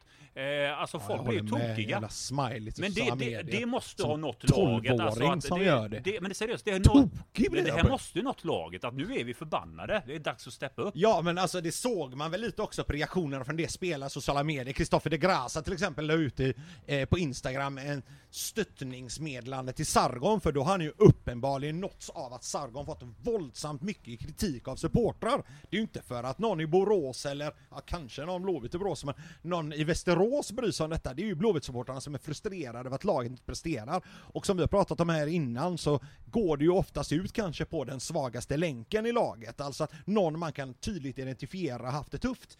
Sargon har blivit lite av en hackkyckling här under slutet av förra året, början av det här året. Han tar lite revansch förra matchen. Han tar revansch igen med nytt mål den här gången. Nu är han plötsligt Blåvitts hetaste målskytt. Vad säger vi om det då? Hetaste målskytt är väl att ta i även om han 100% i två gör ett snyggt... Ja, hund... är, har bara han verkligen 100 procent? Nej, det vet jag inte, jag ska inte svära. Men, Nej. men, men han gjorde bara ett avslut 100% i varje på att göra mål i Ja, varje ja, ja. Nej, jag är med dig. Jag är med dig. Gör han dig. två mål till så kommer han få frågan från GT. Du, har Janne ringt? Ja, då är han kanske aktuell för, eh, för jag vet inte, Feyenoord brukar vi väl säga. Ja, nej men eh, det är... Alltså det som jag tycker är spännande här, som jag vill skicka ut till er andra, det är ju Ska Blåvitt spela så här mot eh, Sirius på söndag? Alltså grejen är väl här också att man får tänka på att eftersom det är så tätt matchande så finns det väl anledning att tro att man behöver rotera lite för att ja, det finns krämpor på en del spelare som kanske en del kommer in, en del går ut just av den anledningen.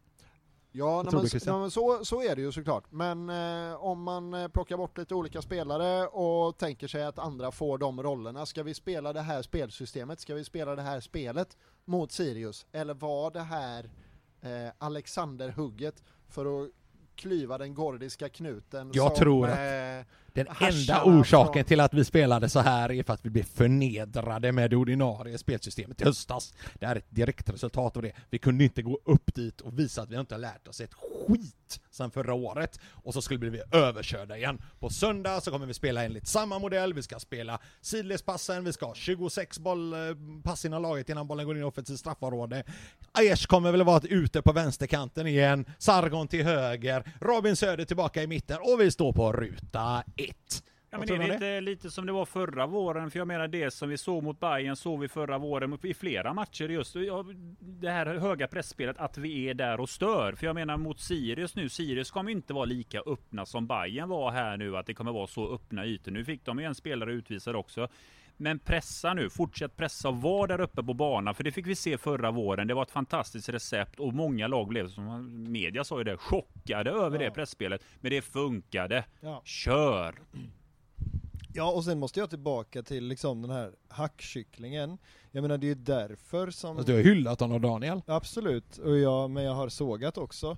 Men jag tycker att visst, det får liksom inte bli eh, invektiv och, och han är så jävla, eller vilken jävla, eller b- h-ord och, och, och så vidare och så vidare. Så långt ska det inte gå. Helvete menar du då eller? Nej, ho och sen Ja, och så vidare. ja, okej.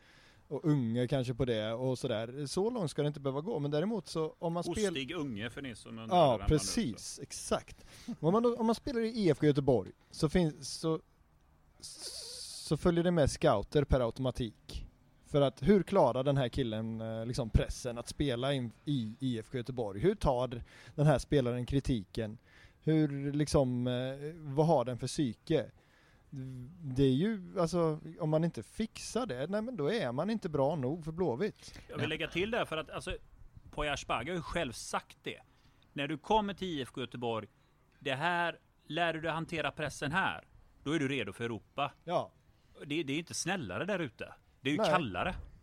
Nej, Ah. jag tror inte att, jag tror inte att man liksom som supporter ska sluta ställa krav på spelarna. Är de inte Aldrig. bra nog så är de Nej, inte sen ska bra vi inte nog. flippa ur med Nej, här nej, nej, liksom heller, eh, vare sig med sågningar eller med hyllningar, för att man får ändå på något sätt sätta i perspektiv här på eh, att ja, Sargon är en forward, han har gjort mål två matcher i rad, men det innebär ju inte att han gör det i de tio kommande matcherna heller. Och eh, jag kan ju tycka att prestationen förra matchen var si och så liksom. Han, han hade inte fått fem getingar om han hade satt betyg för eh, Expressen. Nej men man Ehm. behöver inte kalla honom massa Nej, saker. Alltså det är väl på något sätt också en allmän mänsklighet att inte bete sig så. Alltså jag förstår att folk gör det när de är tonåringar för att man har kanske inte lärt sig hur man beter sig. Särskilt killar och i senare utvecklingen ofta också så att vi kanske behöver fylla 30 ibland innan vi blir människor. Men det är ju någon allmän, allmänt hyfs och sunt förnuft att inte hålla på och skrika horunge. För jag behöver inte säga H hit horunge efter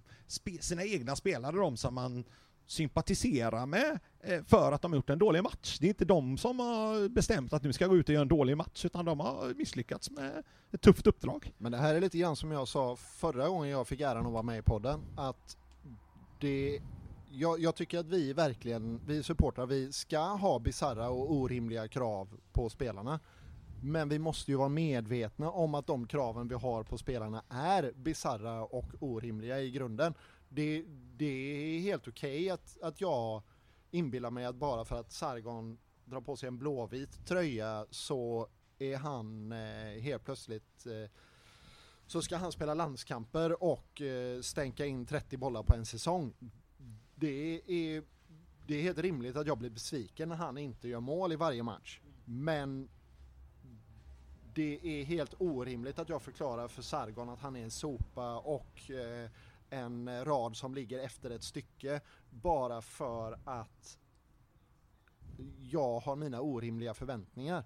Utan jag får ju vara medveten om vad som är min puls och vad som är Ja, man får ju Liksom. tänka på att det är ju inte Sargon som har scoutat Sargon, och det är inte Sargon som bestämt att Sargon ska värvas till Göteborg heller liksom. Och det är inte Sargon som har skrivit upp sig själv i startelvan. Nej, precis. Och, och det, det här gäller ju spelare i varje upplaga av i princip varje elitlag ska man säga, som har stora supporterskaror i alla fall. Att olika spelare får en del av publiken efter sig. Alltså jag bad ju om ursäkt till Jakob till exempel för en gång i tiden.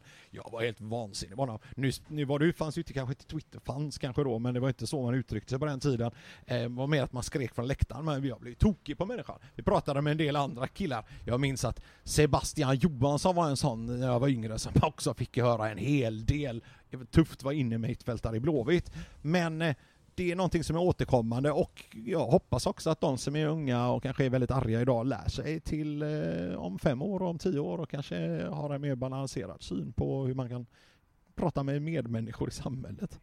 Ja, men sen samtidigt så tycker jag att det här också handlar om eh, scoutingverksamheten eller den som faktiskt värvar, ja men Sargon i det här fallet då. Vi har ju Viktor, Viktor Sköld som ett tidigare exempel. Jag menar, de här Daniel skyttekung... Johansson. heter han. Ja, men vi har de här skyttekungarna från Superettan som ska in i Allsvenskan och leverera. Och det Gais Per. Ja, Gais Per. Sex Ja, miljoner kostar han. Ja men om vi tittar på liksom. Olof Guterstam, Stefan Rodevåg med flera, med flera, med flera. När man kommer upp på en allsve- allsvensk nivå så är det någonting helt annat och då är ju frågan om så här, ska Blåvitt hålla på och värva poängspelare från Superettan? Ja, kanske i vissa fall, men man kanske ska vara extra noga i sin scouting där. Platt, håller de för allsvenskan så att säga? Det, Ja, det är väl mer offensiva spelare som har tufft med det också. Vi har ändå en del exempel på backar som vi har värvat från Superettan, eller åtminstone absolut lägsta delen av Allsvenskan också, som sen har gått och blivit duktiga i Blåvitt. Vi har Haitham Alesami var ju uppe här eh, innan också och han var norska andra divisionen. Den kan ju inte hålla superettan-klass. Det Nej. måste ju vara lägre. Sen finns det väl en och Och, annan eh, som är så här extremfall också, liksom jättetalang så att säga. Jo, nej men, men, men där såg ju Olle Sultan, eh, det var, måste ju varit en noggrann och bra scouting. Mm. Eh, där man såg att det fanns en eh, ohygglig potential. Ragnar Sigurdsson från isländska ligan är ju ett exempel. Mm, Jag menar ja. den ligan eh, klingar ju inte högst, högst i Europa. Det finns ju klart bra... Kalle Starfelt. Ja, det är klart. en av de senaste. Eh, Men Starfelt hade lite kämpigt tycker jag ändå när han kom. Han, det var säsong två han blommade på riktigt nu när han hamnade i Ryssland. Då han, han blev helt... Den här förra våren där, fantastisk. Det tar tid. Ettan det- Långeman vi lånar in från eh, den konkurshotade, som var Bayerns spelare som vi lånade in. Deglund. Det var spännande. Han gjorde inhopp för Jönköping igår. Alltså? Mm. Ja, good for him. Nej men allting är psyket där. Det är okej, är absolut träning och utvecklas som spelare, men det är psyket alltså. Du måste Ja. ha det i skallen här att du, du måste klara av den stormen och du måste hantera att gå från eh, en publik på 300 personer, någon brötig skåning ropar efter dig till att det är ett helt annat tryck, det är en helt annan medial bevakning. Allt du gör, det du gör fel, det skrivs det om. Du måste ha psyket för det. Hanterar du det, Ja, klarar man inte du. av det så ska man inte spela i Allsvenskan. Man definitivt inte spela i ett lag som IFK Göteborg, AIK, Malmö med flera som har stora supporterskador. Det får man också balansera. Ja, häcken att- är bra där. Häcken är en stor skara. Stor skara. Nej men det går ju, det går snabbare, passningarna är hårdare, försvararna är tuffare. Det, du har inte den tiden som du hade på dig i Superettan offensivt medan i, i en försvarsposition så kanske det handlar mer om att vänja sig vid tempot medan som en, i en anfallsposition så måste du vänja dig vid tempot och att lära dig göra saker snabbare. Jag vill bara, eh, gubbar, just nu så pågår det här med då en annan eh, kvartsfinal i Svenska Cupen och det är Malmö-AIK. Jag vill bara lyfta ett litet varningens finger. För här leder AIK mot Malmö borta nu. Eh, jag har faktiskt inte tittat på Malmös startelva så jag vet inte exakt hur mycket de har roterat. Men jag tittade däremot på Stockholmsderbyt häromdagen och AIK tog en ganska betryggande seger mot Hammarby. De lät Hammarby spela boll, ha mycket boll. Eh, och så vann de för att de på något sätt avväpnade den typen av Bayern som vi såg förra året som var, spelade ganska attraktiv fotboll, mycket rörelse. Vi ska kanske inte dra för stora växlar i glädjehysterin på den här segern mot Bayern heller, att en hel del av de här problemen kanske kvarstår. Det är mycket svårare att gå upp till Uppsala och luckra upp ett tillbaka lutat vi parkerar bussen-gäng än det med. med Bayern. Men eh, alltså om vi håller oss kvar vid kuppen lite grann så vad jag har fattat eh, via sociala medier så är eh, lottningen som sådan att det är klart att vi möter eh, Elfsborg eh, som i semin. Och Är det på grund av avstånd eller? nej, utan det, det, det är en tidigare ingen- lottning Ja, helt ja, enkelt ja. att det följer ett träd och att i trädet så möter vi Elfsborg. Så en eventuellt vinnare här i MFF AIK, de möter vi möjligtvis i en, fin- i en final. Mm. Och i en final då är det ju, då är ju allt öppet igen. Eh, AIK så- Blåvitt i en final. Det är som eh, år 2000 tror jag. Eller 99, jag tror någon av de åren spelade vi cupfinal. Det var den klassiska cupfinalen där eh, Black Army uppmanade till att man ska komma och riva hela Göteborg och bränna stan och vad det var. Och Bosse Jensel gick ut i Sportnytt och sa att vi skulle stänga av motorvägarna in till Göteborg och stoppa det där packet från att ta sig in i Göteborg. Och det var hatisk stämning under flera år. Efteråt så skanderade Blåvitts klack eh, fruktansvärda saker om en kvinna som, som var ordförande för Black Army eh, och hatet nådde en kulmen och det är fruktansvärt och allt sånt där men jag älskar det också, det är rivalitet som när den är bäst. AIK Eh, Blåvitt. AIK Blåvitt i en eh, kuppfinal hade ju smakat fågel, men AIK Blåvitt i en kuppfinal utan publik, det är sinnessjukt. Då borde de placera den halvvägs mellan städerna. Kan vi spela den i, vad blir det, Jönköping är närmast där som har en arena. Jajamän. Så, På, kan vi, på den fiktiva Tollavallen. så blir det, kan ni googla så river vi hela Jönköping sen. Okej, men vi kan prata om lite annat här också än eh, den här cuptriumfen för Blåvitts del och Sargons eh, varande eller icke varande i både trupp och lag. Sargons revansch. Ja, precis. Ja, Sargons målsprutande. Målsprutan. Det är... Afans första minuter Oj, 2020. oj, oj. Ja, fan ja. Ja det är otroligt. Jag gjorde en bra brytning där också. Fy Ja. fan. Vi- jag läste en artikel häromdagen som eh, kom från en härlig källa igen. Eh, den här gången var det inte Score Nigeria, det var något helt annat och det döptes eh, snabbt här runt bordet till No Goal eh, Nigeria, den här källan. Score Nigeria och No Goal Nigeria, våra stabila källor. Den här källan har däremot inte riktigt lika stora fantasisiffror kring försäljningen av den nära förestående försäljningen av Hasse. Eh, vi vet ju inte hur nära den är och vi vet ju inte om det sker nu i sommar alls med tanke på att eh, coronasituationen gör väl att många saknar pengar och resurser. Eh, men de spekulerade i att värderingen av Hasse är 100 miljoner nigerianska dollar. Och det är i ett valutavärde, svenska pengar, ungefär 23 miljoner svenska kronor.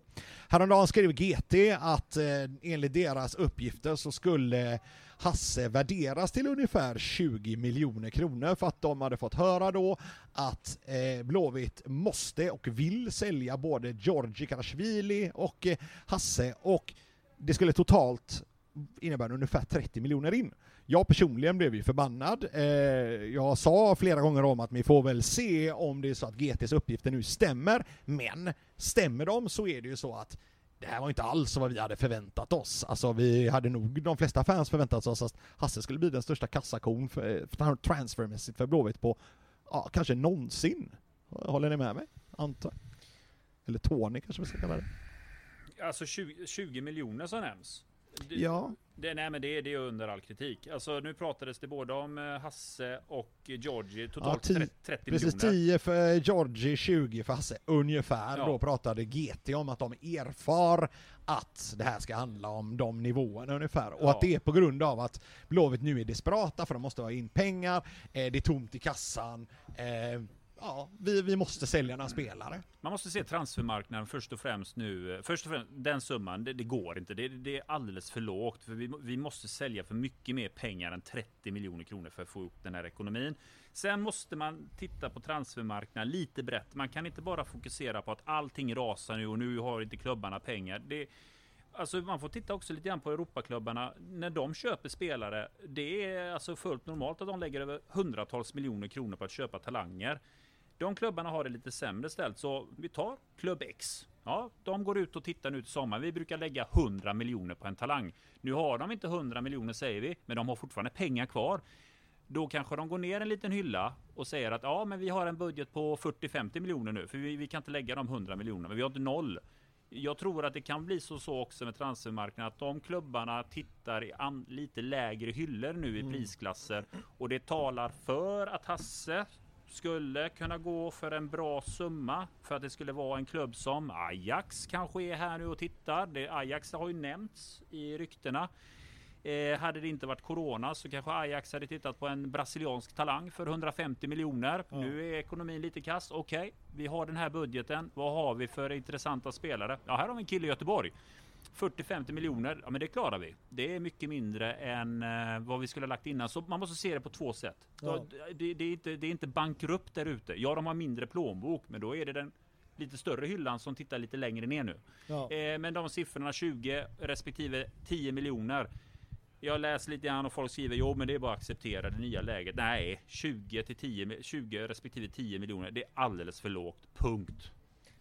Ja men eh, Daniel, dubbla, vad säger dub- dubbla båda.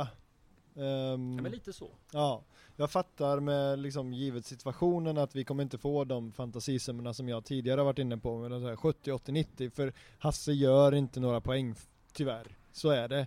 Ehm, men eh, sen, George gör. Geor- Georgie gör, och han, men han är också Ja, Johnny har 23-24 en bast. del av de bästa siffrorna i Allsvenskan. Om man tittar på till exempel eh, avslutsförsök och avslut så är han uppe där och toppar. Eh, Håsam och Georgie var förra året en del av Blåvitts bästa spelare sett till sådana parametrar som ja, scouter ofta tittar på liksom. Men lite för gammal avslut. som Daniel brukar säga Ja. ibland. Han är lite för gammal för att vi ska få de där stora summorna Ja. ut i Europa. Det blir inga 50-60 miljoner, Nej. men kanske en eh, 25 kanske, om vi har tur. Feyenoord. Ja, Det är så typiskt Feyenoord alltså. Alla ska Ja, till ja, Feyenoord. verkligen. Det är så Feyenoord Ja. på dem. så jag skulle vilja... Malmö mål? Jag skulle vilja faktiskt eh, dubbla båda så skulle jag nog vara nöjd, givet dagens liksom, situation. Nej men lite så alltså utifrån ekonomin. Alltså vi har återigen en tuff budget. Det är lite den nivån. Vi, vi skulle behöva dubbla det för att känna oss trygga. Eh, och också att det blir några slantar över att vi kan värva in ersättare. För att vi måste ju dra in den aspekten med att tappa de två spelarna och inte ta in en ersättare. Det är tufft. Alltså tappa Hasse, då, alltså vi har ju ingen som ersätter honom rätt av i kvalitet, men, men den, där har vi ändå täckning på den positionen. Tappa Georgi, ja men då är det Sargon eh, på en kant och eh, det har vi ju pratat om innan att det, det är vi väl rätt så överens om att det tycker vi inte är optimalt, så då behöver vi ha in någon. Om det inte är Noah Alexandersson som ska gå in på vänsterkanten istället som startade idag och gör duktigt ifrån sig. En ny stor talang. Sant. Eller om vi inte fortsätter spela med Aiesh till vänster och flyttar upp eh, till exempel en, eh, en Holm på höger ytter samtidigt som vi låter Jallow spela till höger. Liksom. Det finns ändå lite alternativ Holm i det här pigg alltså. laget. Ja, pigg den här Holm alltså. Ja, kul att se Bra grabb. Holm och gå in som forward också. Ja, Okej, men ja, eh, från eh, No Score Nigeria till, eller nej förlåt, No Goal Nigeria döpte vi dem till. Eh, jag nämnde ju förut det här eh, lite skämtsamt om propagandageneralen uppe på Kamratgården, att han är en av Blåvitts eh, Bagdad Bobs. Eh, det är alltså personal som jobbar för klubbarna som har eh, som jobb att eh, yttra sig på olika sätt för att få dem att framstå som starka eller framstå som svaga ibland, eh, kanske lite beroende på vad man vill kommunicera. Ehm, till exempel inför den här bayern matchen kan man säga att då ehm, var ju Poya Asbaghi ganska noga med att poängtera att Hammarby var stora favoriter och att eh, de hade det mesta att vinna och så vidare. Ehm, åtminstone så det var det det som blev rubrikerna. Ehm, vi har en kille som vi ser här i eh, rutan just nu, en dansk eh, vad kallar de JTD blir det va? Ehm, JDT ja. JDT blir det, ja Jon Dahl tror jag så. Ehm, som eh, tycker både det ena och det andra om Allsvenskan och vi har en Olof Mellberg som gnäller som bara fasiken där nere i Skåne nu när det går ruttet för Helsingborg. Eh, vi har en helt annan typ av tränare eller profil i eh, eh, Bos- Diff-Bosse och vi har Kalmar, Nanne, väldigt många profiler som uttalar sig om olika saker. Eh, vi har ju också någonting som ni säkert minns, ni som i alla fall är 35 år ga- gamla eller äldre, en profil från det, Irakkriget. Eh, det var väl det andra Irakkriget, eller var det första Irakkriget? Andra. Andra ja. Bagdad Bob döptes han till. Han, han var en propagandaminister för Saddam Hussein. Han stod och sa hela tiden framför eh, de internationella pressens kameror att det är lugnt, vi håller på att vinna det här kriget. Eh, vi vinner strid för strid, gata för gata.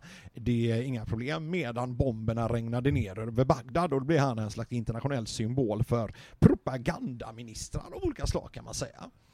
Vilka är de värsta propagandaministrarna i Allsvenskan då? Vad säger vi, Christian?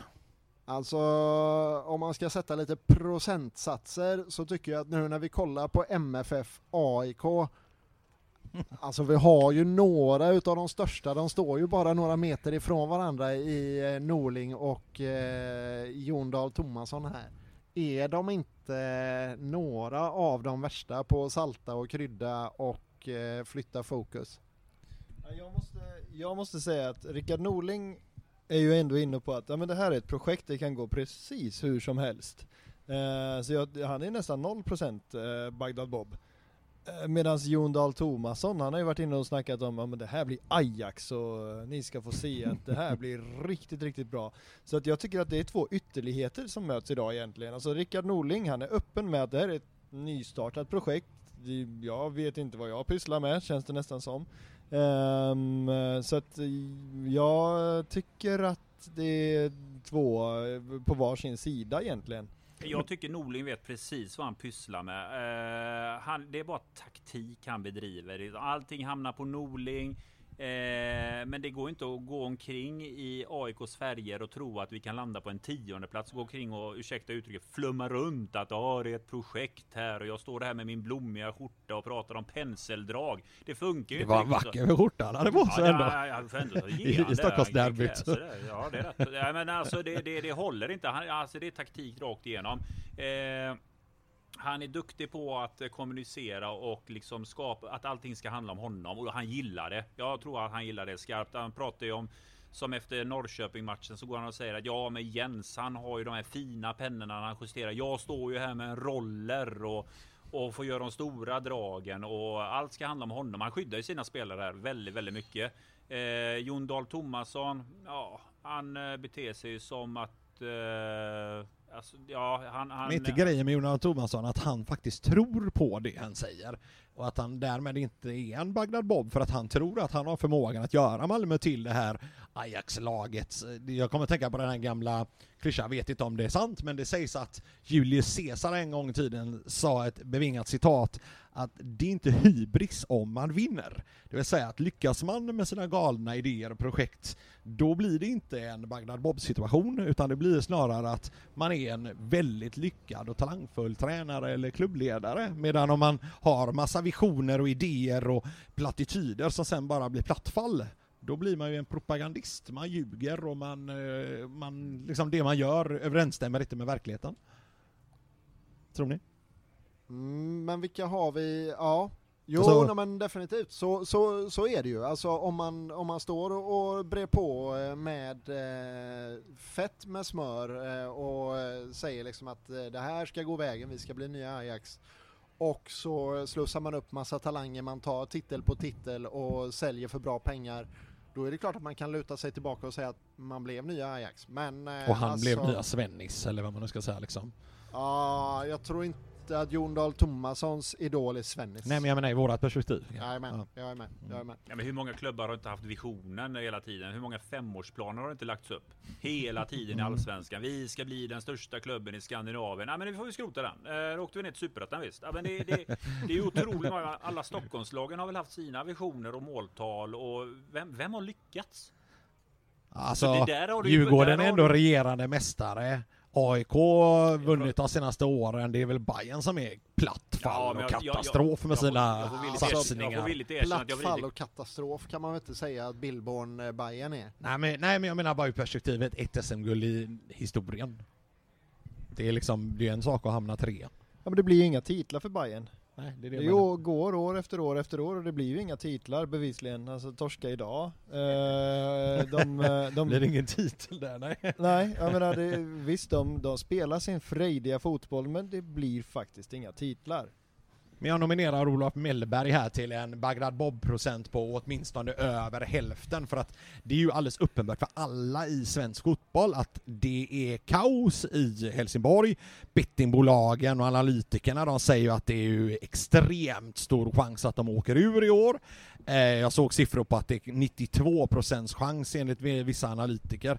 Eh, Ja, samtidigt står han och skyller på allt annat än sin egen prestation. Och det är lite den Bagdad Bob-versionen som är väl den vanligaste, att man säger att nej men du vet det var fel på gräset, det var fel på värmen, det var fel på Ja, det fanns ingen publik, det är ju populärt nu i coronatider. Ja, Tony. Ja men jag slänger ju in det direkt. Han skyller ju direkt på om det blir naturgräs, då är det ju trubbel. Ja. Det är ju varenda gång. Mm. Alltså när, varenda gång de möter Malmö så är det var ju naturgräs. Ja men vad tusan tror du? Men det går ju åt två vägar också. Eh, Blåvitt har ju varit eh, specialister på i Ja. många så sedan Håkan Mild-tiden. Ja men herregud nu spelar du på plastgräs och ja, det är det som är, ja, ja men vi vet ju förutsättningarna. Andra lag har plastgräs, blir bättre på Ja, plastgräs ja då, vi kan man har ju inte varit bra här. Det, jag pratade ju om det innan här att det, det, det har varit så himla synd om oss. Herregud alltså lejonet har ju ramlat ihop. Det har blivit en valp liksom. Det, det, det här, katt är vi har ju haft våra beskärda delar av Bagdad Bobs, inget snack. Vad har vi för Bagdad Bob-procent på vår nuvarande huvudtränare Poya Asbaghi? Vad säger ni Daniel, vad, vad sätter du för procent på, på Pojas i Bagdad-sammanhang? Eh, inga andra jämförelser då, men, men nej. Eh, ja, han har ju haft en del av de här tendenserna i början. När det gick dåligt i de första matcherna i Allsvenskan så var det ju en hel del bortförklaringar. Han säger förvisso typ så här, nej men det gick ju inte bra sista tredjedelen, men han står ju och säger efter Mjällby-matchen, eh, även efter Varbergsmatchen väl, eh, att eh, ja, det, vi gjorde ju bra, vi presterade bra, men det är liksom inte udd sista tredjedelen, samtidigt som väldigt många fans som ser matchen inte håller med. Och då blir det ju en slags situation där någon beskriver situationen som något annat än vad folk ser. Ja, alltså jag köper ju inte riktigt det där eh, att när man börjar prata om prestation, för att elitidrott handlar om resultat, ingenting annat. Prestationen i sig, absolut, den, är, den kan vara någonting om det finns en, en eh, eh, korrelation med resultaten. Men jag menar om vi förlorar, eller förlorar poäng mot eh, Mjällby hemma, då, eh, jag menar, då är inte prestationen bra nog enligt mig. Man kan slå sina 670 passningar, absolut jättefint, men blev det poäng? Ja, ett. Nej, det är inte tillräckligt många, det ska vara tre poäng hemma mot Mjällby. Um, men sen så vill jag liksom vrida tillbaka tiden till när han kom och han liksom skulle vrida om allting och um, Uh, och det blev, uh, och han pratade om att, ja men jag tror inte på det här att göra stora, stora förändring, förändringar i, uh, i organisationer, utan man måste ta det pö om pö, små, små förändringar. Men Boja gick ju faktiskt in och genomförde ett paradigmskifte över natt i princip. Så att ja, det finns väl en Bagdad Bob faktor där, absolut. Har alltså... hela det här tålamodsgänget och tålamodsprojektet också lite av den att man, man bara år efter år, månad efter månad säger ja, vänta bara, vänta bara, ja. trust the process, trust the process. Det är liksom som ett mantra som upprepas som att man sitter på någon slags, eh, jag vet inte, indisk eh, kloster och eh, har, har visioner för sig. Ja, Tony? Ibland blir jag inte klok på honom för att han kan sitta liksom efter en Malmö-match förra säsongen och säga att åh, nu ska ni få se Blåvitt, det här, vänta bara. Det här, det här är liksom starten, nu ska vi bli gigantiska och nu händer det grejer. Så han stödar upp sig där, han har den här tysken Rösler där bredvid sig som är drygast i stan. Va? Men ja. han verkligen tar i från tårna att det här ni får se, vänta bara. För att sen matchen efter, som i år, säger nej men vi har ju ingen publik och det var varmt. Men va? Vadå, vad babblar du om egentligen? Alltså det är ju så himla schizofrent ibland. Alltså, nej det är hög Bagdad-Bob där på grund av de här tudelade budskapen. En match, då är det trojanska hästar och det är hej och hå, nu lyfter vi och sen så är det bara trubbel. Men behöver inte Blåvitt ett uppstyr av sin kommunikation totalt sett? Alltså tränaren kan inte gå och köra fri volter på eget håll och sen gå och spela och säger han att vi har ju flera spelare som både förra året och i år har uttalat sig liknande vi kommer vara med eller vill vara med och slåss om SM-guldet. Det har ju inga som helst signaler om från ledarskapsgänget runt eh, sportorganisationen, eller hur? Nej men om man då tycker liksom att nej men vi är inte där, vi, eh, vi Men när ska vi vara där då? Nej men om man då tycker det som till exempel Poja då, ja men vår, vår målsättning är att vinna varje match. Det är vår målsättning. Man kan inte gå in och säga att ja men, eh, ja, men det blir tufft i år. Liksom. Det, vi har skador och vi har bara en anfallare och vi har eh, mittbackskris och så vidare och så vidare. Nej men okej, okay, målet internt eller externt kanske inte är att vinna SM-guld.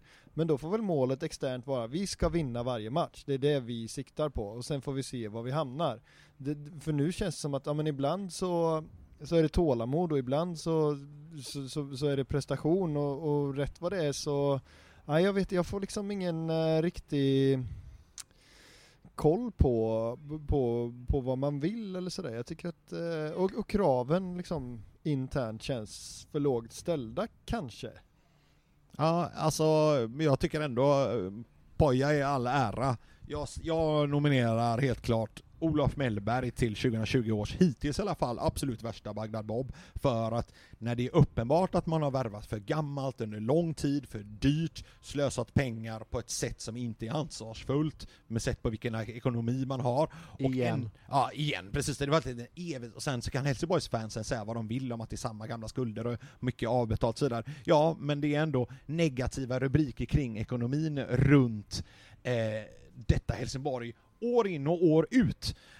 Um, nu, mitt under podden, så kanske vi eh, ska ta och byta ämne lite raskt innan vi avrundar här för att vi fick just besked från eh, Daniel Kristoffersson på Expressen. Det var inte som att han faxade oss här utan, utan det kom, Rasslade till i maskinen. Precis, det kom i sociala medier. Daniel, du kan väl eh, kan du inte läsa upp vad som, eh, vad som står på Twitter eh, just nu? Eh, jo, det kan jag absolut göra. Och det är då Daniel Kristoffersson som skriver citat Robin Söder skadad och kan bli borta länge, punkt, bindestreck. Vi kommer komma med besked snart från klubben och vi kommunicerar det i våra egna kanaler, säger tränaren Poya Asbaghi. Slut citat. När Ja, det är talar om underkropp. trollen. Det är ju Det är underkropp. underkropp. Ja, det är Ja. underkropp det där. Okej, men vad säger vi om detta nu då? För vi har redan pratat flera gånger idag, kommit in på forwardsituationen i Blåvitt. Nu gör vi ju flera mål trots allt faktiskt och det är ju flera olika spelare som inte är skadade som gör det. Förvisso två straffar och Men Ehm. Poja säger ju inte så jäkla mycket i det här citatet. Ja, Nej men jag tänker mig att om, om Daniel Kristoffersson har rätt och han är skadad eh, länge, vad det nu betyder, länge, jag antar, han är ju inte med de närmaste veckorna då i så fall om han är skadad länge. Vad har Daniel Kristoffersson för källor i Göteborg då? Nej, nej men det är väl garanterat en agent när det, med, tanke på, med tanke på vad, vem Jo. har, vem har Robin som agent? Är det Fager? Risp? Fager och Fager, gänget. Risp? Nej, Fager, Fager eh, Sella och dem ja. Fager, Sella och Mörk. Okej, ja men då är ju Sella snackat med Disco. Det tror jag inte. Nej men äh, jag, jag, jag personligen är bara lite skeptisk Ja. till, eh, till Disco som eh, källa. Men det, är, det hade varit jävligt jobbigt om Robin var borta länge. Då, vad är alternativet då? Alltså om man ser, inte, inte liksom drömscenario nu, utan bara rent konkret, men då, det spelarmaterial vi har, ska Fanerud fortsätta få starta istället för Söder, eller borde en Holm plötsligt segla upp som kandidat, eller ska vi spela med två forwards? Jag säger som Tony! gammal, gammal devis, never change a winning team. Det gillar man ju och det varm idag. Kör på samma. Så då vill vi se 4-4-2 och en stark, stor forward på topp på söndag eller? Oskar Wilhelmsson gjorde två i U19 idag. Ja, gött. Talangerna fyller på. Ja, jag, vill se, jag vill se Oskar Wilhelmsson i trupperna i alla fall. Sen så kan han naturligtvis inte gå in och, och, och starta i Allsvenskan hux flux, men eh, han behöver komma in i trupperna om, beroende på vad det nu är med Robin. Men jag menar det. Så att vi ska kunna köra Åh, Oskar, åh, Oskar i höst. Ja nej men vi behöver ju, eh, vi kan inte bara ha Alexander Farnerud som renodlad forward, då måste ju Wilhelmsson få känna på det. Nu måste transferintressenterna öppna plånboken va? För att eh, eh, juniorer är all ära men eh, skyttekungen i laget försvinner kanske på en längre skada. Eh, det här är ju ingenting vi bara kan sitta och chilla kring eller? Vad säger vi? Christian? Nej det är det ju inte såklart men alltså de de har ju öppnat, alltså frågan är om det inte är så här serietidningsvariant eh, på när de öppnar plånboken nu, att det dyker upp en mal bara. Men eh, vi kan väl ringa våran gamla vän på prioritet kanske? Säg så att han har Vill en vi ha guld in på honom? eh, Ahoj, i- och ha in. Vi vill väl vinna SM-guld eller? Jo, det vill vi ju såklart. Eh, nej men eh, jag vet inte fasen om man kan mjölka intressenterna så himla Nej. mycket mer eh, rent, eh, helt seriöst. Eh, Finns det inte fler intressenter då? Nya personer att hitta och företagare och sånt? Alltså, du är ju egen företagare Marcus. Eh, hur mycket extra pengar har du dratt in här nu under coronatiden? Ja, så jag kan ju investera ett par miljoner i Blåvitt eller? yeah right. ja okej. Ja ja, gubbs and gums. Nu tänkte jag kanske inte på storleken egenföretagare utan kanske tänkte på mer på eh, att vi har miljardföretag i Göteborg som eh, ofta har delägare som har eh, ganska stora resurser som är peanuts för dem. Kanske investera i någonting men eh, kan vara kul att gå in och stötta ett fotbollslag lokalt, vad vet jag. Gubbar, har ni något ytterligare att tillägga här innan? Vad har vi glömt bort? Ja, jag kan tillägga här på Twitter här så har det kommit upp en sång här nu från eh, en som heter Oskar Henriksson som har taggat oss här på bara ben och då går ju sången eh, Sargon Abraham, Sargon Abraham, sänka Bajen gjorde Abraham. Och det skrek och de drack och det drack och skrek och sen gjorde han så här. Ett mål till. Ursäkta Oskar, jag sjöng det nog inte rätt där men det verkar som det är en ramsa på gång och du har kopplat den till Bajen. Tack för den Oskar. Jag vet inte vad jag ska säga om denna sånginsats.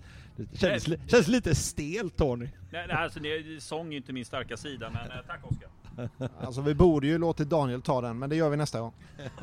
Ja, jag, Ja, jag vill eh, säga att jag står kvar. Ja, Ja, det är en viktig grej att få med här på slutet. Eh, vi pratade tidigare om att eh, vi kanske säljer eh, två av våra viktigaste spelare för eh, 30 miljoner.